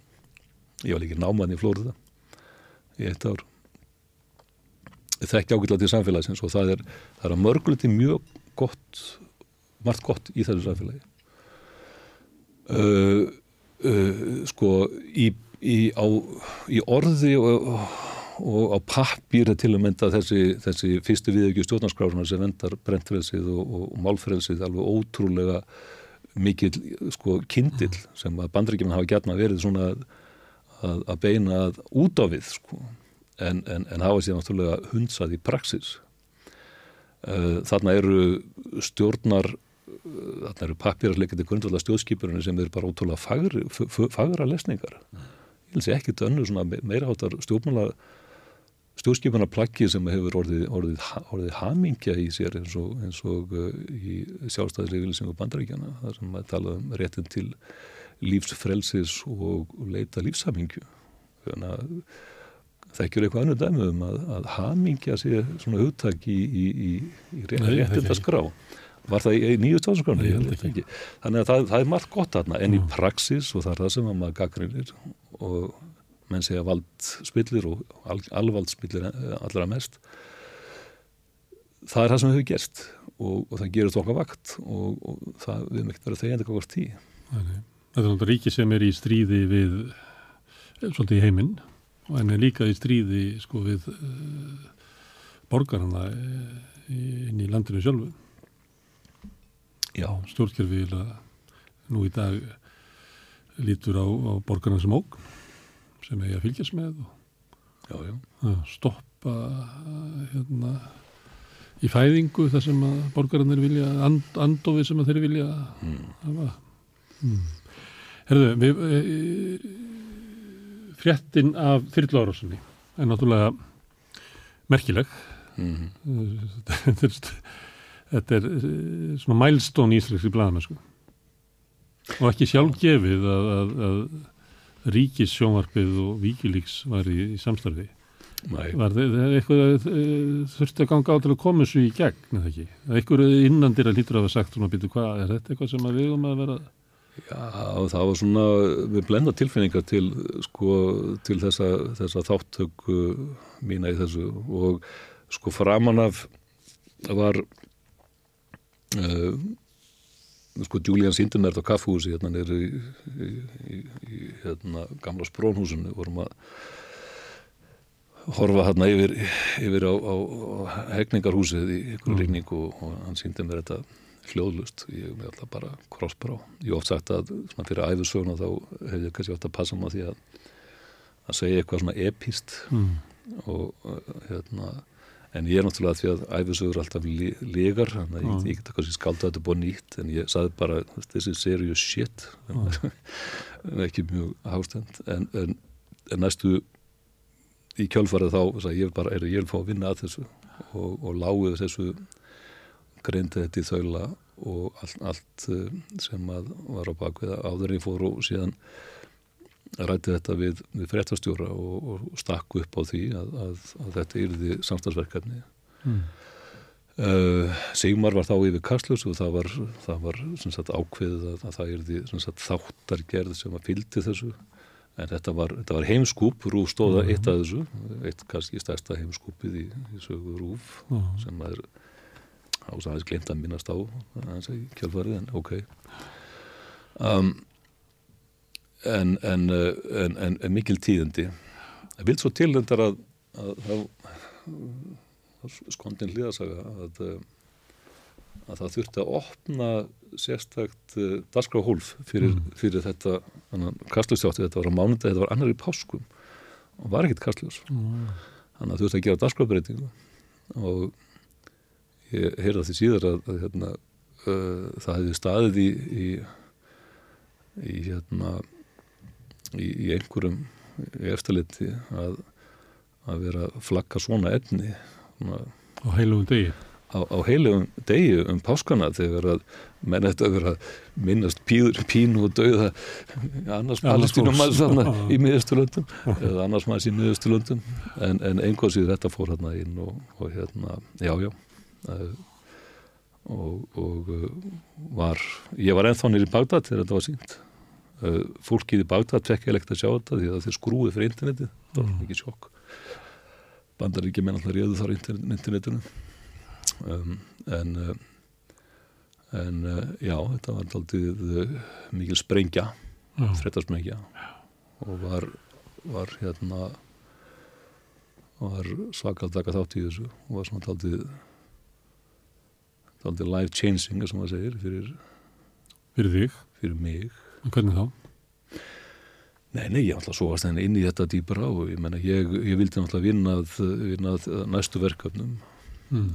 Þarna höfðu til að mynda eitt uh, veit ég hvort að menn munið til það var eitt svona pilot uh, skeiti byrt úr þessu diplomataskjölum það var alveg sér ákjörluðu gagvart uh, Chelsea Manning Reykjavík 13 skeitið sem er frækt það er sagt, skeitið sem segir frá því þegar að uh, uh, ráðunindistjóri minni mig og aðstofum að rössurar fara í bandaríska sendiráðið uh, til þess að byggja um byggja, byggja hérna, leiti ásjóru það bandar ekki verið beiti sér gagvart bretum í, í æseftil hjálpi til í sánlega er ekkert óðilegt erindi, ég veit það ekki en fengur hann fekk litlar uðtæktir og, og sendið hann uh, frekar háðulegu þegar hann skrifaði sína skeitu og sendið til State Department að, að þeir eru komið þessi konar. Þetta var meðlans Kristján Guy Burgess ákveðið drengur. Og, og, og, hann hefði náttúrulega bara sagt um að þetta, þeir skiptur ekki að þessum mál þetta kefið mikið við, þetta er bara eitthvað sem þeir eru að leysa í og, beit sér hausinu skömminu með því að, að hérna, hafa beint samband við senda þeirra brellast til þess að segja um aðeins mm. en ok, þetta var byrt þáttu frétt en en, en, en hérna eh, ég, ég man alltaf þetta hérna, og voruð eftir að þýrlára sem myndum að það byrt að þá er djúlega komið til ástæðlíðu og, og segja mér við erum í nettspjalli svona uh, dulkóðu og örugu spjalli og ég vissi að þessum hernaðarskjölum sem voru þá í pípunum og vildi vera partur af því þess að frá Afganistan og Írak. En svo segir hérna, já, svo erum aðeins meira þessum þessum hérna diplomatarskjölum sem að eins og því sem að þú varst þarna með og sendir hann Reykjavík hérna, sem ég leti hafa. Ég sé, já, ok, hvað, mörg? Já, aðeins fleiri. Hvað er þetta mikið? Hann skrifar 250k mm. ha, k ertu að tala um þúsund. Jepp og þá stóð maður svona fættuð frá tölum og sagði, ok, þetta verður eitthvað maður. þetta verður eitthvað. En uh, En það var ekkert sérstaklega viljið til þess að, að, að, að síðan er myndað þarna náttúrulega sko bandala í kringum byrtingun og ákvæðastarskjölunum og, og, og ég er á jæðurinnum náttúrulega, bara í vinna fyrir Rúf, það er að segja Der Spiegel, Guardian og New York Times Rúf hefði geta verið fjórða hjólið þarna undir þessu fjölmjöla bandalagi mm. en það var engið sérstaklega áhuga því og ég var svona daldið kurtislega spurður já, já, eða sagt við mig að ég er að fara ákveða hvar ég ætlaði eiginlega að vinna Af rúrum Já, já, og svarið við því var tiltúlega augljóst sko. Það er nú þannig þetta var alltaf bara þetta stærstu fréttamál samtíma, hvað blama vill ekki vera þáttakandi í því. En, en Rúf vill ekki vera þáttakandi í Nei, þetta var kannski stórbit að kingja sko. mm. og var ekki inn á áallun það þurfti að fórna einhverju fréttum af, af réttur Ríðinni og ykkar ríðinni Nei, nei, ég er ekki ég, en ég, þetta er ekkit uh, beningan kala til þess að neins af þessu. Það, er, veist, það var bara gott skref fyrir mig. Það hefði geta verið öðru sig það hefði verið náttúrulega uh, ég, veist, ég vildi gætna náttúrulega, ég var bara trúr mínu starfstöð og vildi gætna að þetta færi eitthvað af þessu prójekti væri í inn í þessari púli og væri innan e, fengi á sig stimpur rúf og væri partur ég taldi að liftistöng fyrir rúf mm. en það var ekki fekk nú ekki alveg hljóngrunn mm. en, en, en Hvenar er þetta? Þetta er sömarið 2010 2010, Já. síðan eru 13 ár. Já, rúmlega það. Og þú hefur verið að vinna fyrir Víkilíks, síðan þá og tekið þátt í afhjúpun á mörgum fréttamálum? Já Já, já.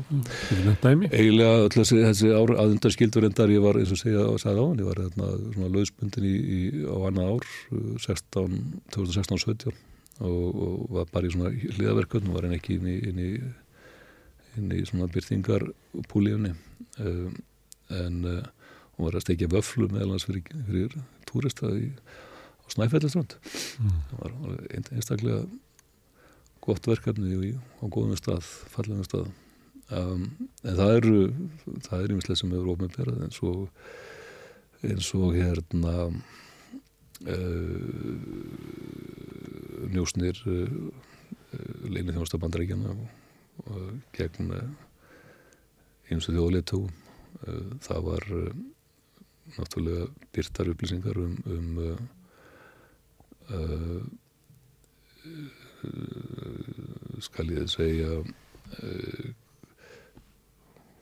ég frá, frá Guantanamo Bay þess að fangaskísluna þar sem eru skjálfur lesning þannig að átt að segja á því að, að hversu lítlar lítið þurfti þess að meðum voru, voru, voru teiknur upp á göttunni einhver staðar í, í Afganistan eða, eða hvað hann var og, og flekt í í, í fangaflug með pókuður hausinn og, og pyntingar í kjölfari og síðan fangjalsun í, í einn og hálfa áratug í, í Guantanamo mm. um, þá eru síðan byrtingar um, um, um sko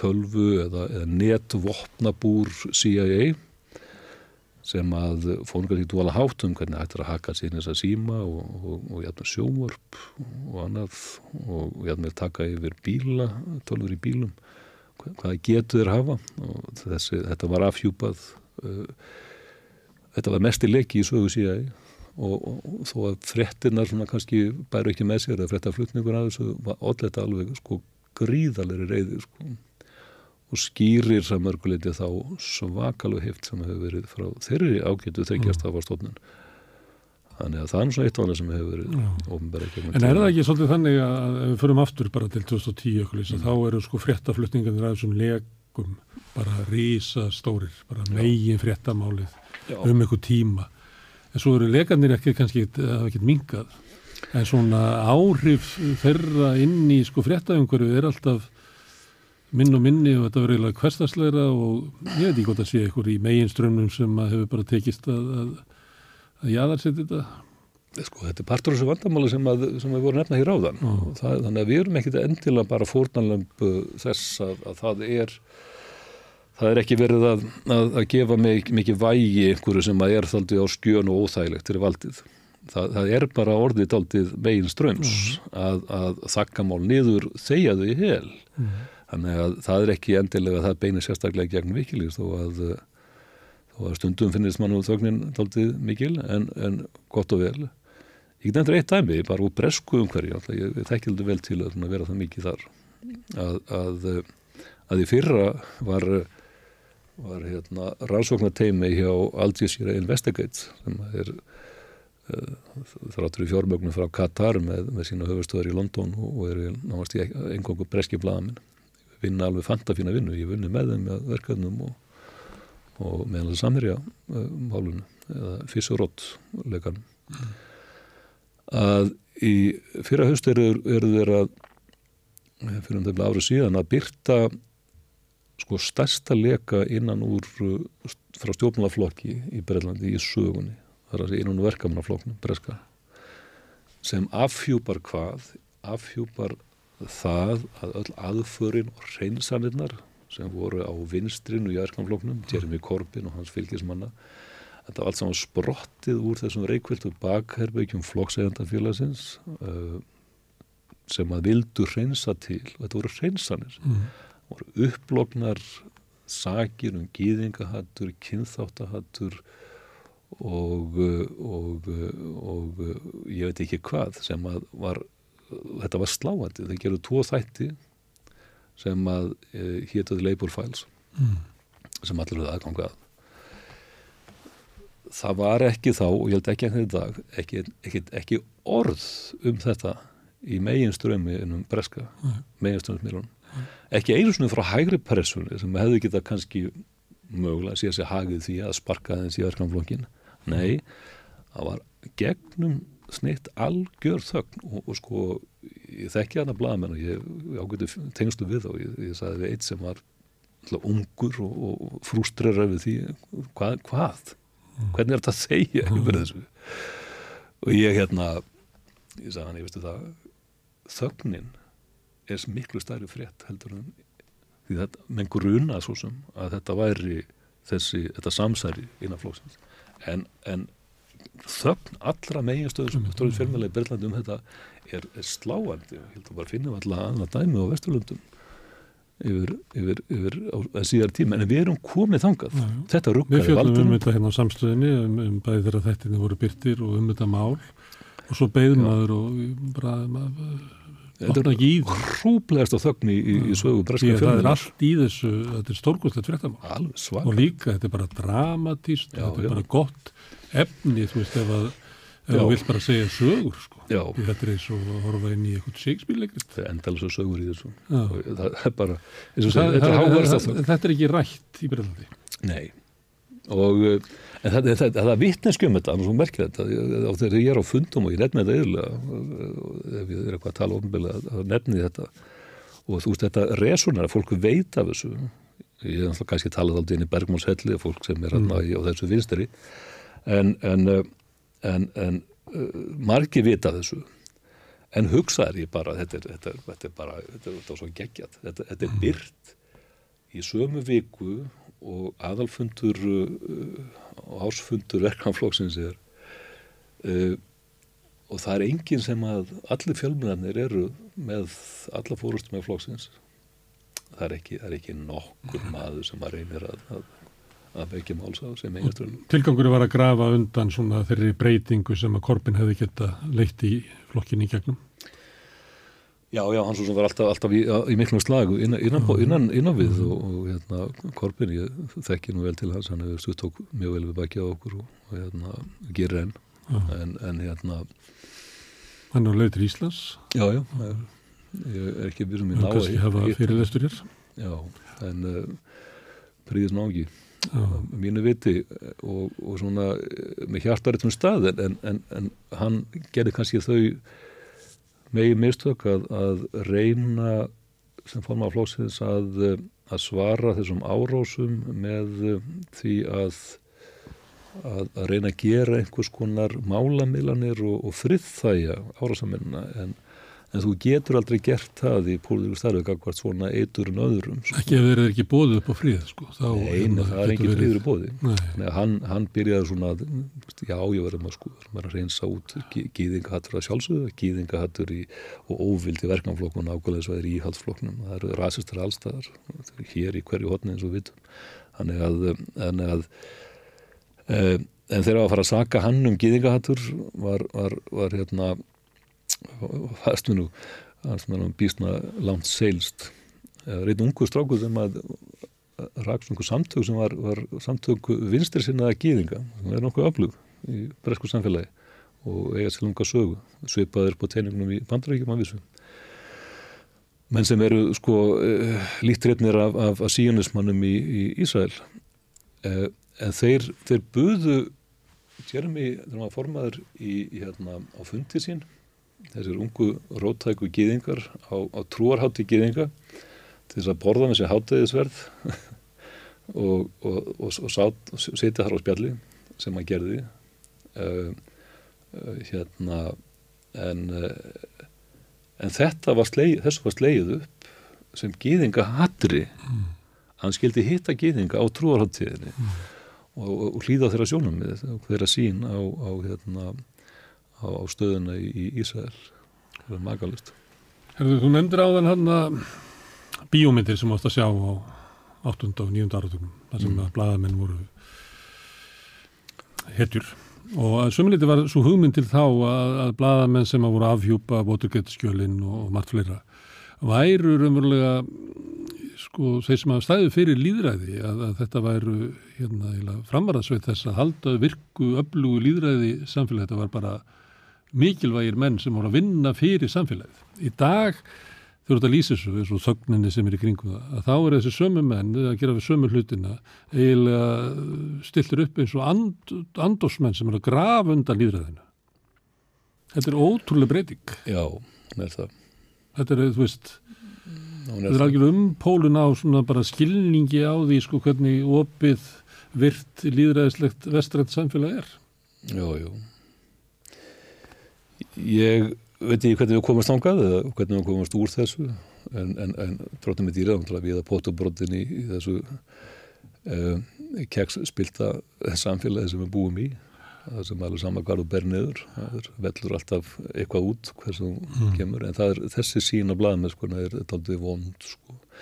uh, ég veit ekki hvort þú mannst eftir í hérna tíma í þú veist þegar að þeir öndvegispiltar Jón Bjarki og, og, og Jóhann voru að, að, að böðlast í því meira verið einir Já. án stuðnings og kollega sinna sem var mjög vond sko og svo alltaf undir línulegsum árásum alveg endalust sko. Og, og síðan alltaf þessi sín sko það var einhvern veginn þeim að kenna að síðan að, að Hannabitna segir af sér. Það er, er óslulega einkennilegt sín á, á, á, á blaðmennskuna það er eins og veist, það verður að kenna bladamennunum um einhverja þróun að, en ekki, ekki þeim upplýsingu sem eru að leggja á borðið. Veist, það, það voru ekki Woodward og Bernstein sem að sko eru ábyrgir fyrir uh, fyrir afsögn Nixons heldur því sem að var uppljóstrað og síðan náttúrulega hilmingunni og allir því sem kom í kjölfarið Þannig að þetta er alltaf vekkjald. Við þurftum að klíma við þetta varandi sko byrting og skjölum við á demokratafloknum 2016 og það var að segja að Vikilís var í, í einhverju, einhverju samslætti og samblæstri með, með rússum og hennum Ítla Putin að koma Trump í ennbændi, það var alltaf algjörð kjátaði og var síðan náttúrulega staðfest í, í, í skýslu múles mm. en En, en þú veist að þetta er einhver huga að segja veitu, hvað var verið að upplýsa? Við erum að tala hér um sko spillingana verkeflóðsins breska. Það var verið að upplýsa um spillingu innan demokrataflóksins bandaríka sem lengt og ljóst sko vann gegn Bernie Sanders. Það var frettin, það sögðu allir þá frett mm. þannig að það var ekki vikilis að Julian Assange sem var bara ábyrð á heldur það sem að var upplýst og hvernig átt að upplýsa um spillingun af stjórnmálflóksins ef ekki fyrir kostningar, það er bara hennilega skilda bladamanna mm.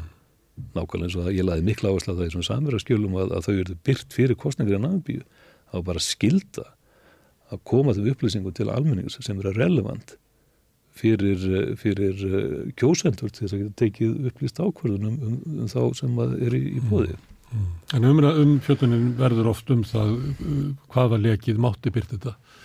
Já, mm. já, já. já. Það, það verður hér að sett lögbanna á, á, á umfjöllunum fjármál Bjarnar Benediktsson og fleiri. Já, já, við, við, erum alveg, við erum alveg þar og við, sko, og síðan alltaf sko, staða uppljóstrara. Ég segi alla hérna, sem að, að grenni úr þessu tárin, gleði tárin þegar Obama varð fórsetið fast, þarna var ég frelsari mættur mm. og ég var svona, mm, kritiskur og það er býðað að sjá.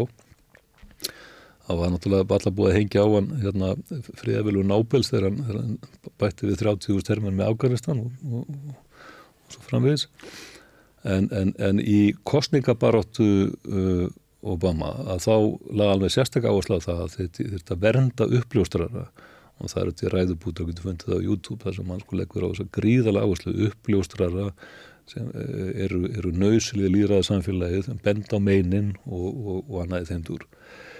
Hans legacy hins vegar á sínum átt árum voru þau að, að að, fang, að lögsækja og fangelsa fleiri uppljóstrara eh, á grundvelli njósnalagana mm.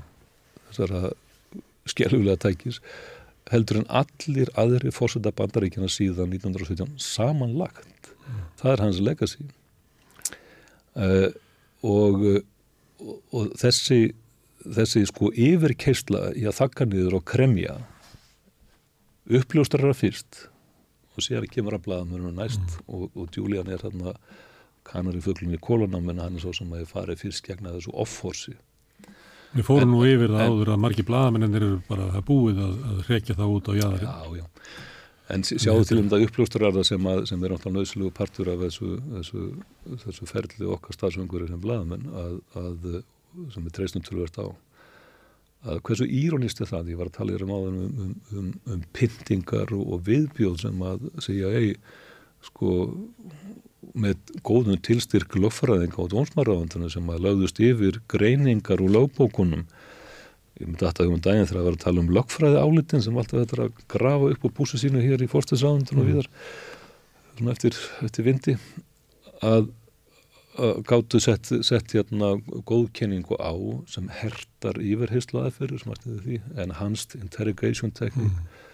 það er að drekja munum 85 sinnum. Um, þessar þá er enginn sætt ábyrð á þessu og það er enginn farið í fangelsi vegna þessara skipuluðu pyntingaprógrama bandinsko leinismástanar nema einn maður, það er John Kiriakou maðurinn sem að saði frá. Og þurfti að semja um þvinga alltaf að semja um og játa á einhverja sakir til þess að til þess að hérna, sleppa það að vera sko alla æfi sína í fangilsi mm. og ég er allir í sambandi við hann. En þetta er, þetta er þetta er svona anektóta sem að segja alltaf mikla sögu um þá stöðu sem við erum í. Mm. En bladamennska og bladamennska þetta er ekki það sama og við erum að taka nokkuð dæmi um það hvernig sko fjölmiðlarnir eru raunverulega anstæðingar þeirra sem að vilja stunda bladamennsku sem þú vilt gera og kannski voru þeir aldrei svo margir kannski voru þeir sem voru að stunda eitthvað svona rannsóna bladamennsku greiningu og, og voru ekki að enduróma bara við þeirra skoðanir og, og vilja valdsins voru kannski alltaf bara fáliður hópur þannig að það er ekki alveg að sama sko bladamennska er ekki og fjölmiðlar er ekki gott afl í sjálfsir Nei, nei, menn það eru... Það er kúunar að blíka og það er þöggunar, það sem fjölmenn að gera mest að vera þöggun. Já, ég segi ekki frá. Já, um, eins og hvernig ég ætti að geta skrifa alltaf sögu morgublassis. Já, já, ég sko ég, ég ætla að setja smá fyrirvar á varandi sko gagri mín á ylnenda fjölmjölagnum sem ég fýlst bara ekki nægilega vel með þeim. Ég er það mikið úti og ég, hef ekki hort á sjónvarpar yfir höfuð í, mm. í 13 ár. Og þá sjaldan að ég kíkja á ljósaka fréttur til að mynda þá fer ég bara á votið og sækja þetta aftur í tíman það, ég, ég, bara, ég get ekki lengur hort á línulega dasgraf ég fæ alltaf svona óþól og pyrring mm. nema fókbóltaleikjaður og hvort það er eins og orfa á beitni útsendingu. Þannig að ég hef bara ekki þess að yfirsýn kannski yfir, yfir allt sem er að gera nefn bara eh, renni við netið. Og það er, og það er mjög flót gert. Hins vegar, ef maður er með svona sjóar með þessa reynslu þá ertum fljótur að sjá hvað er höttum, hvað er ekki fréttum. Uh, en, en, en ég er samt sem að setja fyrir að vera á að ég líka fell hennar slekkju tóma svona með mjög stórum orðum kannski í heiltalínuna á þessum vettvangi. En uh, getum ekki nýlega dæmi vorum að hérna, fá þessa svakalegu uh, svakalega hérna, tíðindi frá samkynnsvættriðunum mm. bara alveg bomba. Bomba í Íslands Stórkurslega insinn inn í, inn í bara hryllilega heim samsar ekki þjóðin Ég hef ekki finnst með alveg síðustu dag en ég, ég að, svona, það hefur verið frekar eitthvað, eitthvað fátt um það, ég hafði orðað því á, á félagsmiðlum, verið frekar svona eitthvað rólegt í umfyllunum, þið gerðu eitthvað hér, já, jú, og, og heimildin. og heimildin, um, ég undrast það mjög. Uh, og, og maður velti fyrir sér er þetta of stort, er þetta of, of mikið? Ég, ég velti þessu fyrir mig líka Sko, ég held að það færi í gang svona eitthvað svona umfjölduna því að við erum náttúrulega mjög veikburða fjölmiðil og við þurfum aðeins að spila með það hvað hinn er að gera og það já. var svona komnið ykkur þrý dagar þegar ég átt að með að bytja það en það er svo fjölmiðil sem bara ekki átt að segja hvað þetta er Nei það verðist vera mm. en þetta er, þetta er, þetta er svakalig bomba og, og, og sko ef maður hugsa tilbaka og hugsa um alla þessa er einhver geir eftir í þessu, þessu viðskiptileg Íslands þar sem maður hefur ekki verið uh, sko afhjúpað þetta er normið, mm. Úst, það er fjármálageirin með samaraði kortafyrirtækina, það er uh, mjölkurgeirin, uh, það er fjarskiptageirin, byggingavörubransin, byggingavörubransin og ólíjan, maturumarkaðurinn, mm. hvað er eftir? Ekkert eftir. Kanski í vestlum er notaða bíla, ég Já. veit ekki, það er eitthvað. Sko þannig að, þannig að sko, uh, samráðspilling er normið mm. í íslensku viðskiptilífi og, og það er alveg og það segir sína sögu að þetta fálið þetta batteri uh, er búið að, að vinna alveg stórverki að afhjúpa þetta þetta norm í kjörgum mm. tíðina en, en kannski er þetta bara viðbaraði á fólki að það bara já já, þetta er bara svona það, það er kannski er uppgjöfum svona svakaleg mm. við erum alltaf að rýfast um, um spillinguna og, og Transparency International er fara alltaf skömm í hatti fyrir að segja salleikanum það hversu gegnum rótið og spilt Íslands samfélagi hefur verið og ég e, alveg allavega mest kostu frá sögu lífveldisins og, og er enn. Og sem að líklega flestir uh, vita. Það vita þetta allir. Það er eins og við séum ykkur svona það sem við vitum þetta Já. en við föllumst ekki á að ræða það. Þetta er svona Þetta er kannski ofstúrt, kannski vandið í Íslandsku samfélagi, ég tel að sko sko, það þarf að taka á svo óbóðslega miklu. Alltaf hér er óbóðslega brókað líðræði hvað, hvaða hvers svona líðræði getur við talað um í samfélagi það sem meira hluta vilja, alveg staðfæstu meira hluta vilja, allt upp í 90% er, er fyrir tiltaknum málum, stundum bara stóru kerfismálum, úgjöldandi heilbriðismála uh, Kótakerfið Kótakerfið og svo framvegis. Ekki selja bankana, það var reyður seldir þráttur að kemur fram í konunum almenningu vildið ekki sko yfirlýstur meirhunda vilji þjóðurinnar nær ekki fram að ganga Nei. það, það getur ekki verið líðræði það, það getur að líðræði líður á það sem að vilji líðsins ræður för Já. Er það ekki? Er það ekki samfélag ja, sem við förum, það sem við saminlega viljum fara? Já, það almanna, ekki það sem við förum alveg þverju á átt. Það er almanna skilingum myndi ég ætla á, á, á því húttæki og uh, hérna og, og, og það eru sleikni varnaglar ég held að svo einu líðræðisvettangar sem að, að þokkalega virka þú getur verið ákvæmlega átakafullur eru húsfélög. En, en þar, þar þú veist ef að, ef að, ef að meirulhundin segir eitthvað þá er það bara stærnd ef að umræða sko, meirðastættum breytingu eða úgjöld þá þarf þetta aukinn meirulhunda en ef að það búið að taka hverju það þá er það bara þá þýr ekkert fyrir hérna sko stærsta húseganda, íbúðaregandan eða, eða einhver gunni í kjallarnum eitthvað, eitthvað að segja eitthvað gegn því. En það, við náum, líðran er ekki fram að ganga.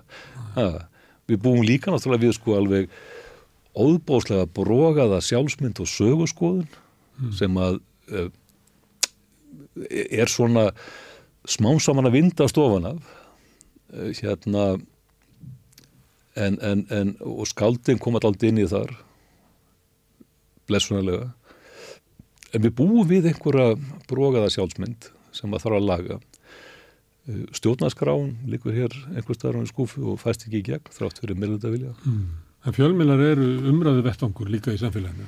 Er það ekki, þú veist, það að ef við þurfum að endur skoða sjálfsvind okkar, við þurfum að hérna, virkja líðræði betur, þá er það náttúrulega, við gerum það ekki nema við höfum einhvern veginn heilbriða fjölmila og umræðu vettangur.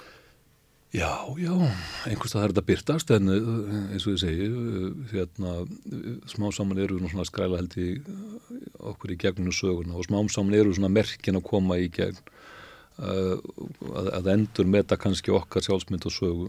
Við um, var ekki Þorvaldi Fríðsson hérna, en ágættum maður hefðum daginn að mhm. tala um keltnesku uppruna keltnesku fyrir jól. Fyrir, já, fyrir hans bók sem komið til jólum um, um okkar keltneska arf er stóð skemmtileg og því meira sem akademikarnir í háskólanum sko, bölsóttu yfir, yfir því meira trúurinni og því meira seldist hún.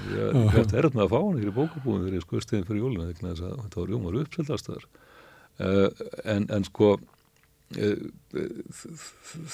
þetta þetta hefði aldrei verið hægt að, að setja svona fram nema því að sko genaransóknuna bara sögðu þetta og þá, þá svona, Uh, um okkur uppruna þess vegna verður náttúrulega að fara að, að klugga í þetta og, og síðan í gegnum harmsögu harmsöguna í gegnum, gegnum tíðina og það eru svona menn eru svona smá saman að ráðast á hinn hin helgu við mm. uh, hérna það, var, fræðimenn hafa aðeins uh, þó að fara ekki kannski mjög látt í alman umræðu svona að fara að endur skoða sínina á, á, á, á síðaskiptin um, sem að náttúrulega þjóðkirkjan e, í skömsinni tala um segðbót mm. mestu hörmungar sem áru hafa riðið yfir Íslandsku, Íslandsku sögu var náttúrulega rústun á, á, á, á velferðarkerfinu, heilbyrðiskerfinu og mentakerfinu sem fólk í sér að, að slátara hér allan klösturum og, og í katholskunni og, og við tók bara svona svartnætti talibanismans í 200 ár það sem að fólki satt hér í, í, í, í sko lúsugt í ítaliktandi hólum og, og kendið sjálfum sér um það að það kom hafís sko að því að mm. presturinn sagði það. Það var svo syndugt sko.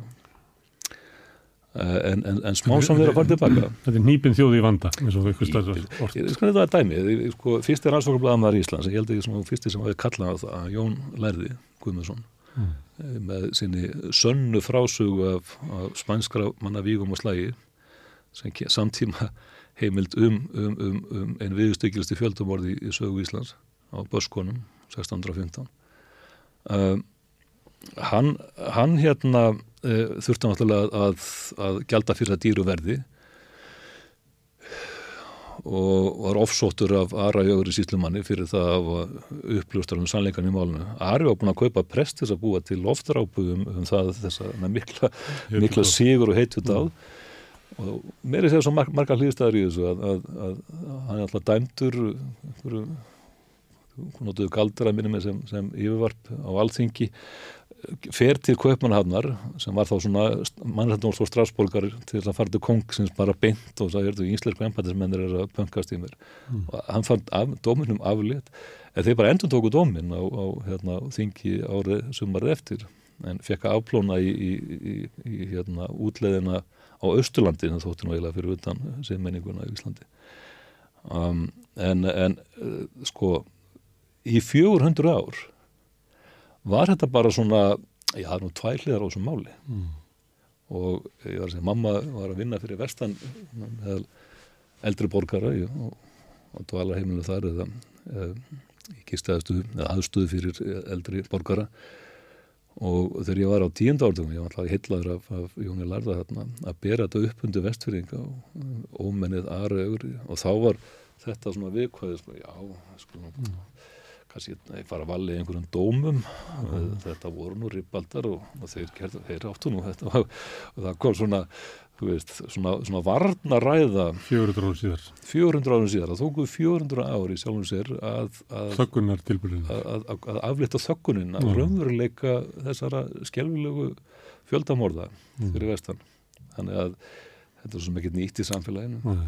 og þú vilt ekki spá því að, að þetta bjargist eða rettist sko. Þetta, þetta er, er hörðbarátt og erfið. Nú erum við komin í, í, í stóru stóru málin sko ég held að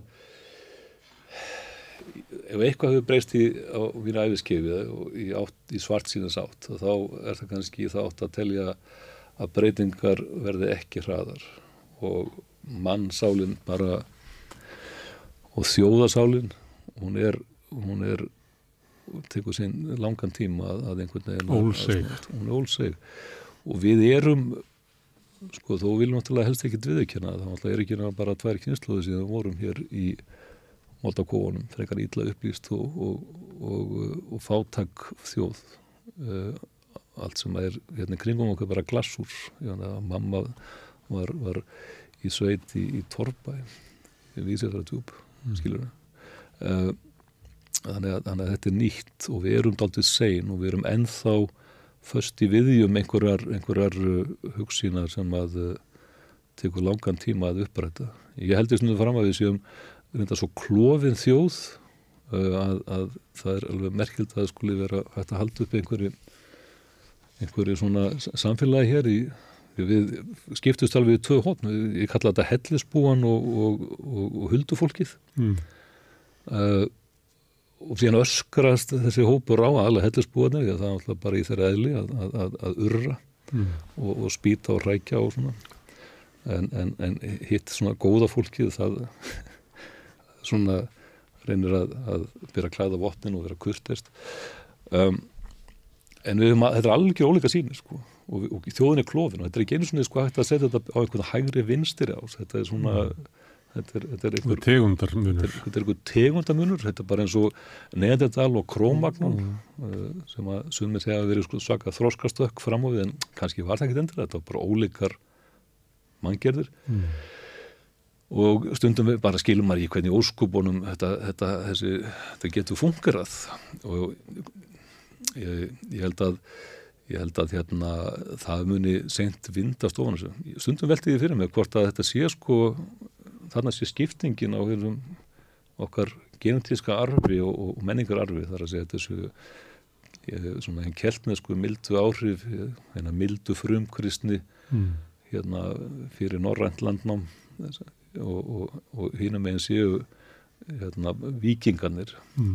eh, sem við svona blessurlegurum farin held ég að, að sjá að það er kannski ekkit voðalega pent að vera mikið að að flagga þessu í lundabúðunum en þó er það sko mm. en, en, en við ættum alltaf að vera miklu stoltari af, af, af okkar, okkar, okkar, okkar kjeltneska arfi sem er miklu miklu ríkar og hver sem hefur mm. búið í Nóri til að mynda sem ég gerði nú mínum yngur árum í tvö ár, bara þekkir það að við eigum, það er þarna svona áferða munur á, á þjóðarsálunum við sem ekki, ekki samþættanlega hérstaglega er. Þeir eru með meðans ábyrgir í fjármálum og skynsans. Og manni, þegar maður kemur til Skotlands og Skosku eigana og þá er svolítið fæ, svona tilfinningur eins og maður sé halvur eitthvað komin heim. Já, það, já, já. það er bara þannig ég svona ferðast á það um og það er mjög undarlega tilfinning sem maður hefur. Þetta sé eiginlega hluti af einhverju. Já, ég átti meira heima sko, það ár sem ég bjóð í Skotlandi fyrir 25 ára síðan uh, en, en í Nóri það, bara, það er eitthvað, eitthvað sérstakt sko Svo fannst mér alveg skemmtilegt, ég held að, ég held að við séum með sko, hver er, er hellisbúin, það, það, er þessi sem maður vil náttúrulega sóða náttúrulega fyrir þið með, með hérna, fiskaldi og miljaniðu fellin í, í einhverja mm. vörubílsfarma til þýskra fyrirtækja og græða pjening, mm. sökka fjörðunum og, og setja þýrni korunur uh, vindmil á alla, all fjöll og, og græða og, og gera sko og græja, elska jarðíturnar og og fyrst ekkert valjú í einhverjum, einhverjum, einhverjum fjallasölum sko, mm. það sem ekkert er veist, það var alltaf nokkur að horfa á þannig með einhverjum einhverju sérutringar sem fara það með babboka mm. og, og hvers erum þá fossin mm. þetta eru þetta er, er hellisbúin ég fann um daginn alveg aðeins þessu tengt það var einn Guðberg verið að koma að þess að svo gaman að þessu að hérna að fyrsta uh, svona stór persóna inn í bókmyndasögunni mm. Íslandingur er Hans frá Íslandi í samnendri bóku eftir Viktor Hugo. Hans frá Íslandi eða Handi í Íslandi var sko ótrúið greppudrýni lítill, svona, illur uh, trölllegur hérna, og illviljaður ódámur í, í svona blóðugum uh, uh, villidýra lörfum einhverjum úr leðri og skeggjaður og skítugur og, og, og úr augu hans sko líst einhverju grimd og drakk mannablóð. Mm. þetta var æskuverk fyrsta bóki sem hann skrifaði, byrjaði hann 18 ára. Og, eh, og hérna eh, hann er svona prototýpan af þessum, þessum, þessum hellisbúa. Og eina lukka okkur held í er þessi að, að bókin er svo vond þannig að það er í lengi sem að lesa hann að minnist mikið á hana í, þegar að talaður um Viktor Hugo nema Guðbergur Bergson ég var eitthvað að skoða hvort hann einhvern tíma komið fyrir á íslenskum fjölmjölum og tímarætt.is og, og, og þá bara örf á skipti sem einhver myndist á hand í Íslandi nema Guðbergur hafi satt í einhverju viðtali að þegar hann fótið spánar að þá er alltaf kynsi sem, sem hans frá Íslandi að hand í Íslandi mm. og þetta lýsa honum mjög vel og hans, hans húmor og, mm. og uh, dragu mynda sér sem sem tröllinu úr hellinum mm. Og svolítið sín hans á Íslands samfélag Ég held að hann hefði mikið til og er ekki gerði ekki lagsnins að líka daldið að, að, að náttúrulega hálf fyrirlíta þjóð sína en, mm. en svona mismöndi, mismöndi aðferður og leiði til þess að Að, að draga upp þær myndir mm. Herru, þú líst þér á hann að hafa velja ungur hérna, vera greina samfélagið og stundablaða með skutil sem hafa árið á það Já. Svo er það líka því að við erum svo fámið þjóð að ég held að sé svona ríkari hugmynd meðal Íslandinga að þeir svona eða byrja ábyrð á samfélaginu og þeir eigi eitthvað eina laga það eða að hérna ég held að sé auðveldur að fá Íslandinga til þess að tala um bara Íslands samfélagi eins og það sé eitthvað svona samilegt verkefni okkar. Og það er e, e, oft espast, espist það í mönnum þegar þeir eru lengi í burtu. E, finnur til löngunar til að koma heim og Laga Ísland? Uh, nei, ekkert uh, sko ég er bara ennþá bladmaður og, og er það til döðadags uh, ég. Ég hérna ég held að sko, ég held að sé, sko það er fjarlægin fjarlægin sem að ég fæ og það, það er svona ákveðið lukka. Þú veist, það er að menna espist upp í að laga þeirri burtu ég held að bara sjá aðeins skýrar ákveðna mynd þegar maður er í burtu Þú færður líka málfrelsi, það er hérna sumir sem er, tala hreinskýrtislega um Íslands samfélag, er fólk sem bara býr elendis og hefur enga hagsmunni hér nei, nei. og er þar elendi bara með málfrelsi Nei, nei, þó að ég reynda elda þá yfir allar koppagrundir eins og, mm. og Samverið Klíkan gerði eitthvað profesornum í Kolumbíu háskóla er heimtunir í rekir mm. mm. en, en hérna nei, nei, ég, mér er sko, það sé nú ekki á svörtu þannig að mér er nokkuð slétt samanvarandi íslensk íslensk samfélag og ég gaggrið það bara hýrspurslaust þau geta þá bætt sér hérna fyrir aftanröðuna með bandriðska heimsveldun og CIA og, og öðrum stofnunum sem að eru stað, staðfest núna, eru með mig til rannsóknar og, og kannski nartægi mig eða ná í stóra bytta uh, Julian. En, en hérna vilja breyta uh, ég vil bara sína, ég vil bara fá umræðu og fjalla, ég vil bara óhefta umræðu og hispuslösa og gerðan æsingslösa og ekki þessum þessum uh, sko skjelvilegu upprópunum sem eru núna verðaldi ráðandi sem er bara alveg óbúslega vond mm.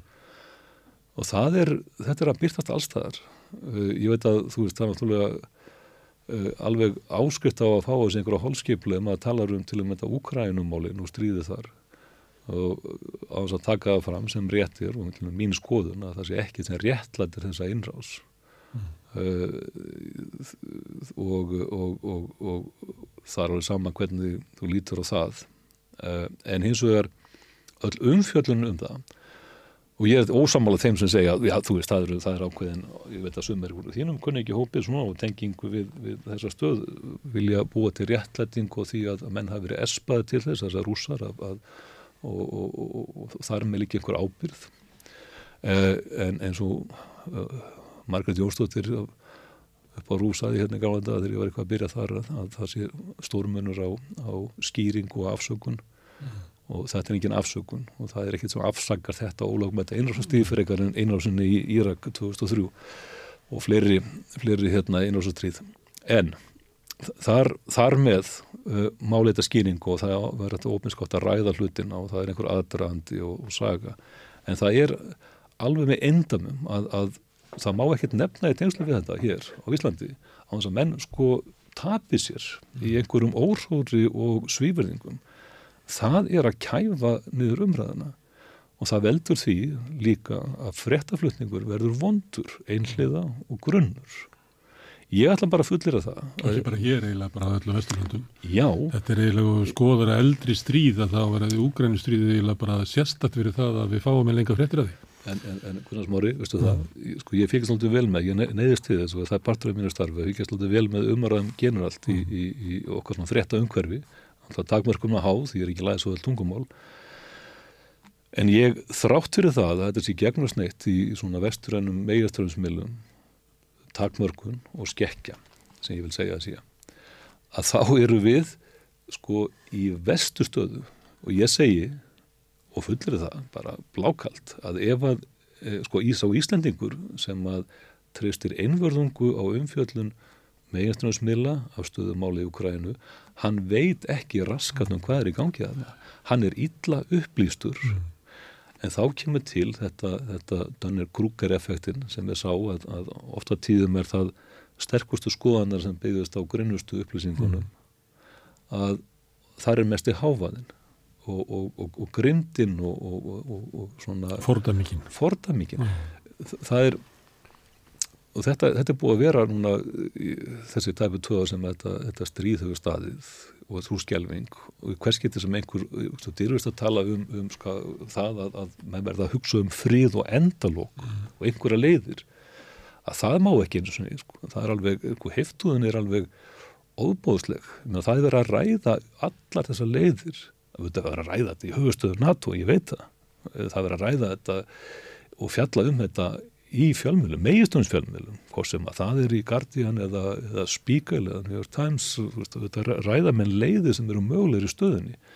Og ef maður var að endurvarpa einhverja þessu til að myndin og samfélagsmeila hér að mynda að fá þessi sama skýta fjúku fúkirða flömin og, og, og, og hérna og oft hefur nú komið yfir á einhver fósöndum, bara ræðum hlutina, slakið nú aðeins á hættiði komið út úr hellinum og þú veist þetta er, þetta er, þetta er, þetta er vond og þetta er óheilbritt maður stóða til að mynda hvernig það var hérna í upphafi fyrra þegar að sko fólk með bísna mikla reynslu af hvað sem finnast um þeirra stofnarskoðanir af alþjóða uh, samfunnu og, og, og alþjóða málum uh, tveir einstællingar, altså Ólaður Ragnar fórstætti mm. og, og Ingemur Solrún mm.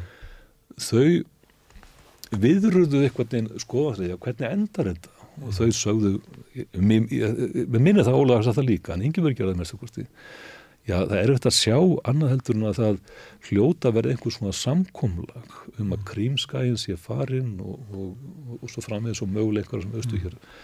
Þetta döði til þess að það var sko auðsið þvílikum skýt yfir þau fyrir það var viðra það sem að auðvitað er rætt um allstað. Hvernig ætlar að enda þetta? Uh, á að fara, á að, fara að gefast upp. Við ætlum, segja, sofa hersuðinginni hér mm sem aldrei hafa komið á stríðsvæði og aldrei þurft að sko finna líktina af dauðanum í, í hérna það sem að, að óknin er og aldrei séð í beint og millilegust í augu á, á tómlega augu barna sem hafa upplifað stríði sem ofta yfirlega er mest í skað, skaði sem er að gera skapa tróma til lífstíðar og skada fólk fyrir lífstíð. Þetta fólk er að segja hérna, við verðum bara að berjast til síðasta blóðdrópa í Ukrænumans mm við megum ekki gefast upp til að fella þennan Hitler.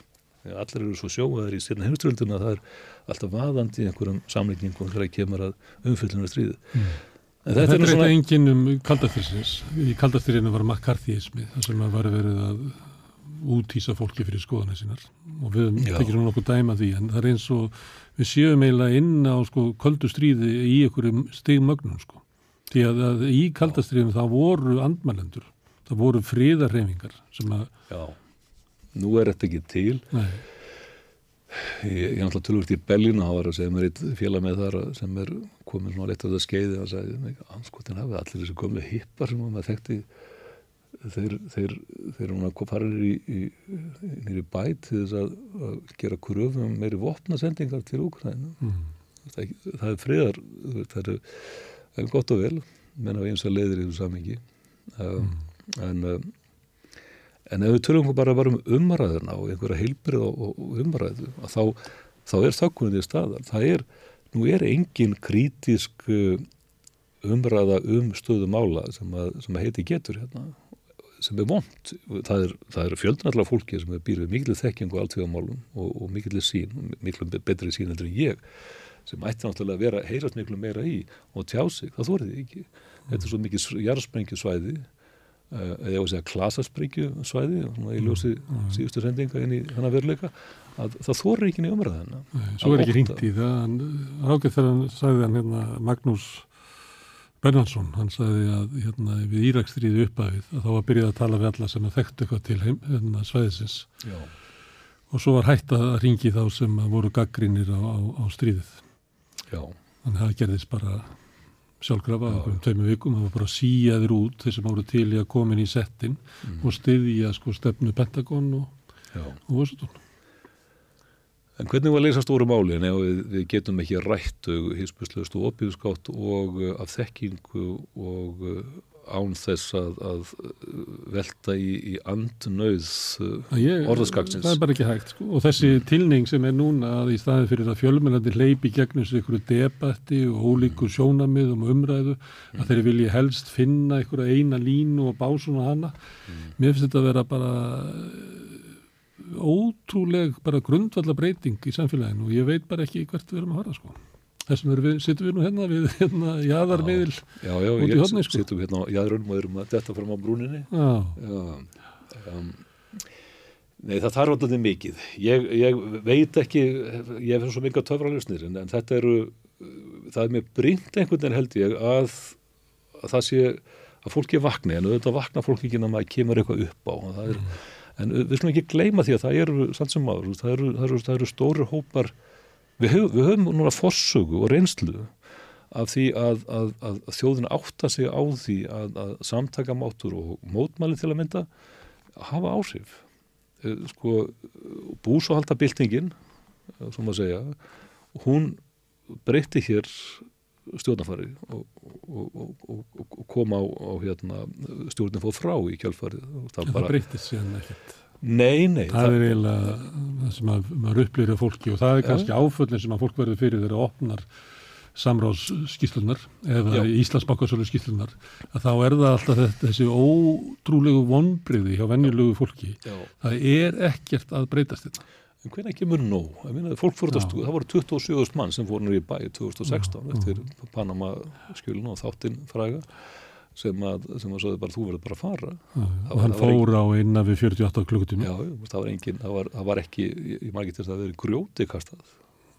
Bara var þögult og, reyði og, hérna, og það er ekkert sterkara afli í, í, í samfélagi heldur en massin sem að kemur saman og, og sýnir, sýnir stöðu þannig að það er alveg makalust og þetta eru þannig að það, það er vonandi einhver vakning en hvað þarf mörg hvað þarf mörg líðveldi til þess að komast að einhverja braut. Við erum ennþá því fyrsta, við þurfum alltaf að fara að drífa okkur í, drífa í, í annað líðveldi Íslands. En Það eru frakkar að prófa mörg. þetta með vonina er mj- mjög stort atriði held ég að, að út af þessu að það hérna, var ímsu breytt og minn íslenskur almenningur feldi ekki bara þessa ríkistjórn, þetta er fleiri, fyrstu Já. ríkistjórnina og hann feldi eiginlega þrjá ríkistjórnir eftir hrun. Uh, margir ráð þeirra röklast í burtu, stort seðlabankas og margt breyst sko.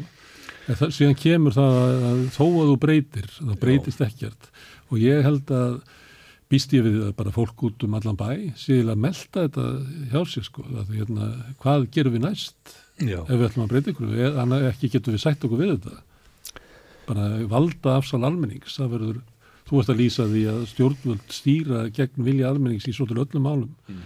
Þannig að almenningur hlýtur bara að vera veltað fyrir sig sko hvernig, hvernig sækju við vald okkar eftir.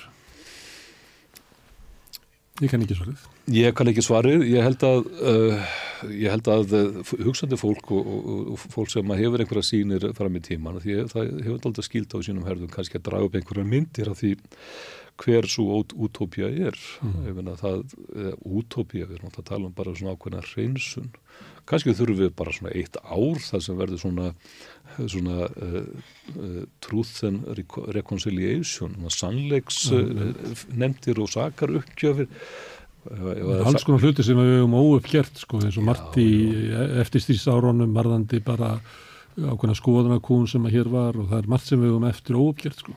Skoðunum voru alltaf bara reynlega sko, skilfur illa farið með, með, með ákveðna hópa hér á njóstnir og maður tala ekki um spillinguna sem var í viðskiptu helmingaskiptin og allt, en að saga líðveldisins íslenska er sagaspillingar mm. og, og við hljóttum bara einhvern veginn að verða að spyrja okkur að því uh, allir sem veitum, viljum við breyta þessu og, og taka þetta út fyrir ramma einhverjar, einhverjar, einhverjar, einhverjar karpsinn í, í flokkonum eða mm. úr, úr því samhengi kannski verið að lista með það á skaldin sem að geta leitt bröðina eh, mm. þegar við gefumst upp á bladamennum Kollum alla til mm. Herðu, hérna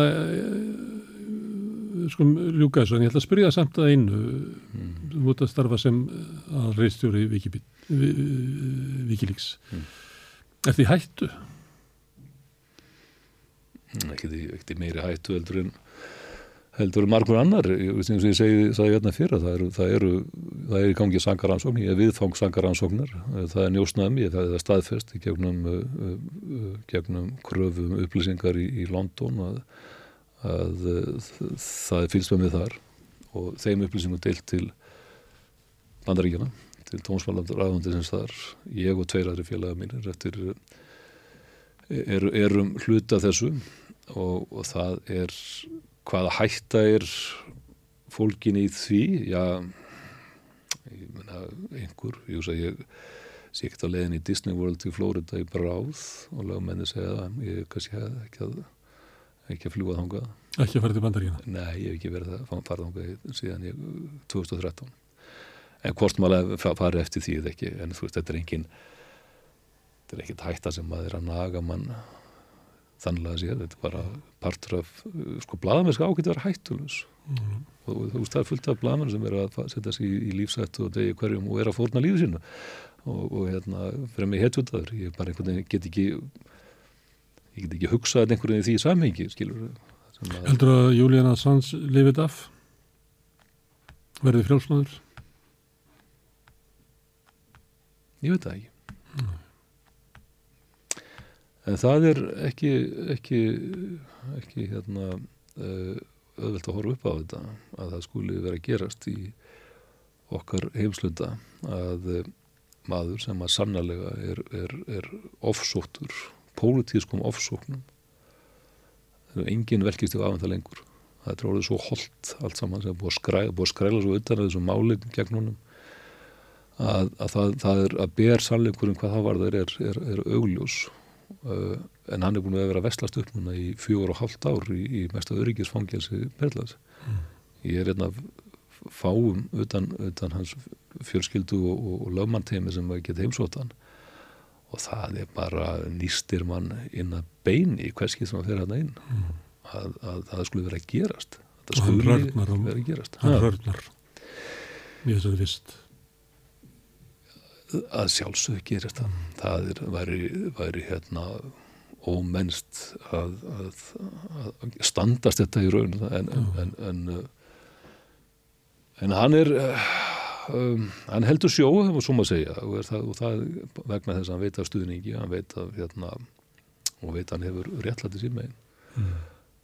Það hefur verið að mörka lífi úr hann bara fyrir framann okkur já. fyrir það að vera bladamadur og já og dreifa eh, sannleika Já, þetta er uh, punishment by process eða refsingi gegnum ferli það er hvert að dreyði lappirnar einhverju einasta skrefi í þessum þessum, þessum málum og uh, það er leint og ljóst verið að vonast í þess að hann sviftir sér lífið þarna eða er reyðilega reyna að láta lífi í þessum þessum, þessum aðstæðum. Herðu, Kristín Hrapsson, takk fyrir að koma hingað á laugadegi og leiða okkur að kynast þér á heiminum, kannski fyrst og fremst. Já, takk fyrir að bjóða mér. Herðu, þetta eru lokin á helgispjallinu þessa helgi. Eh, Ég ætla að hvetja ykkur til þess að aðstóða okkur við að byggja upp samstöðuna. Þið gerir það með að læka síðunar, bæða á YouTube og Facebook og efni frá okkur. Þið getið stilt inn á 89.1 í bílnum ykkar eða sótt uh, útvarsrásin okkar inn á spilarinn. Það er bæði hægt að hlusta á það á tölvu og hlaða niður á símansinn. Þið sem að, og fylgist með fréttunum okkar á samstöðun.is. Þið sem að viljið taka þátt í að byggja upp samstöðuna geta gæst áskrifandur. Það farið þá inn á samstöðu.is. Það er nappu sem að ástendur áskrift. Það kostar 2000 krónur. Það getur valið að borga meira eða þið viljið að vera áskrifandi og áskrifandunir geta valið um það að vera hluti af alþjóðfélaginu og það er alþjóðfélagi sem á samstöðuna þannig að þið geti farið inn og skráð ykkur sem áskrifandur og jáframt eigandur á samstöðinni. En ég þakka fyrir í dag minni á að það er sunnundagsdasgrá á morgun um, það er nýr þáttur sem að byrja klukka nýju á sunnundagsmorgun morgunni, fylgist með því og síðan verða sínir eigils klukkan 12.40 á morgun. Takk fyrir í dag.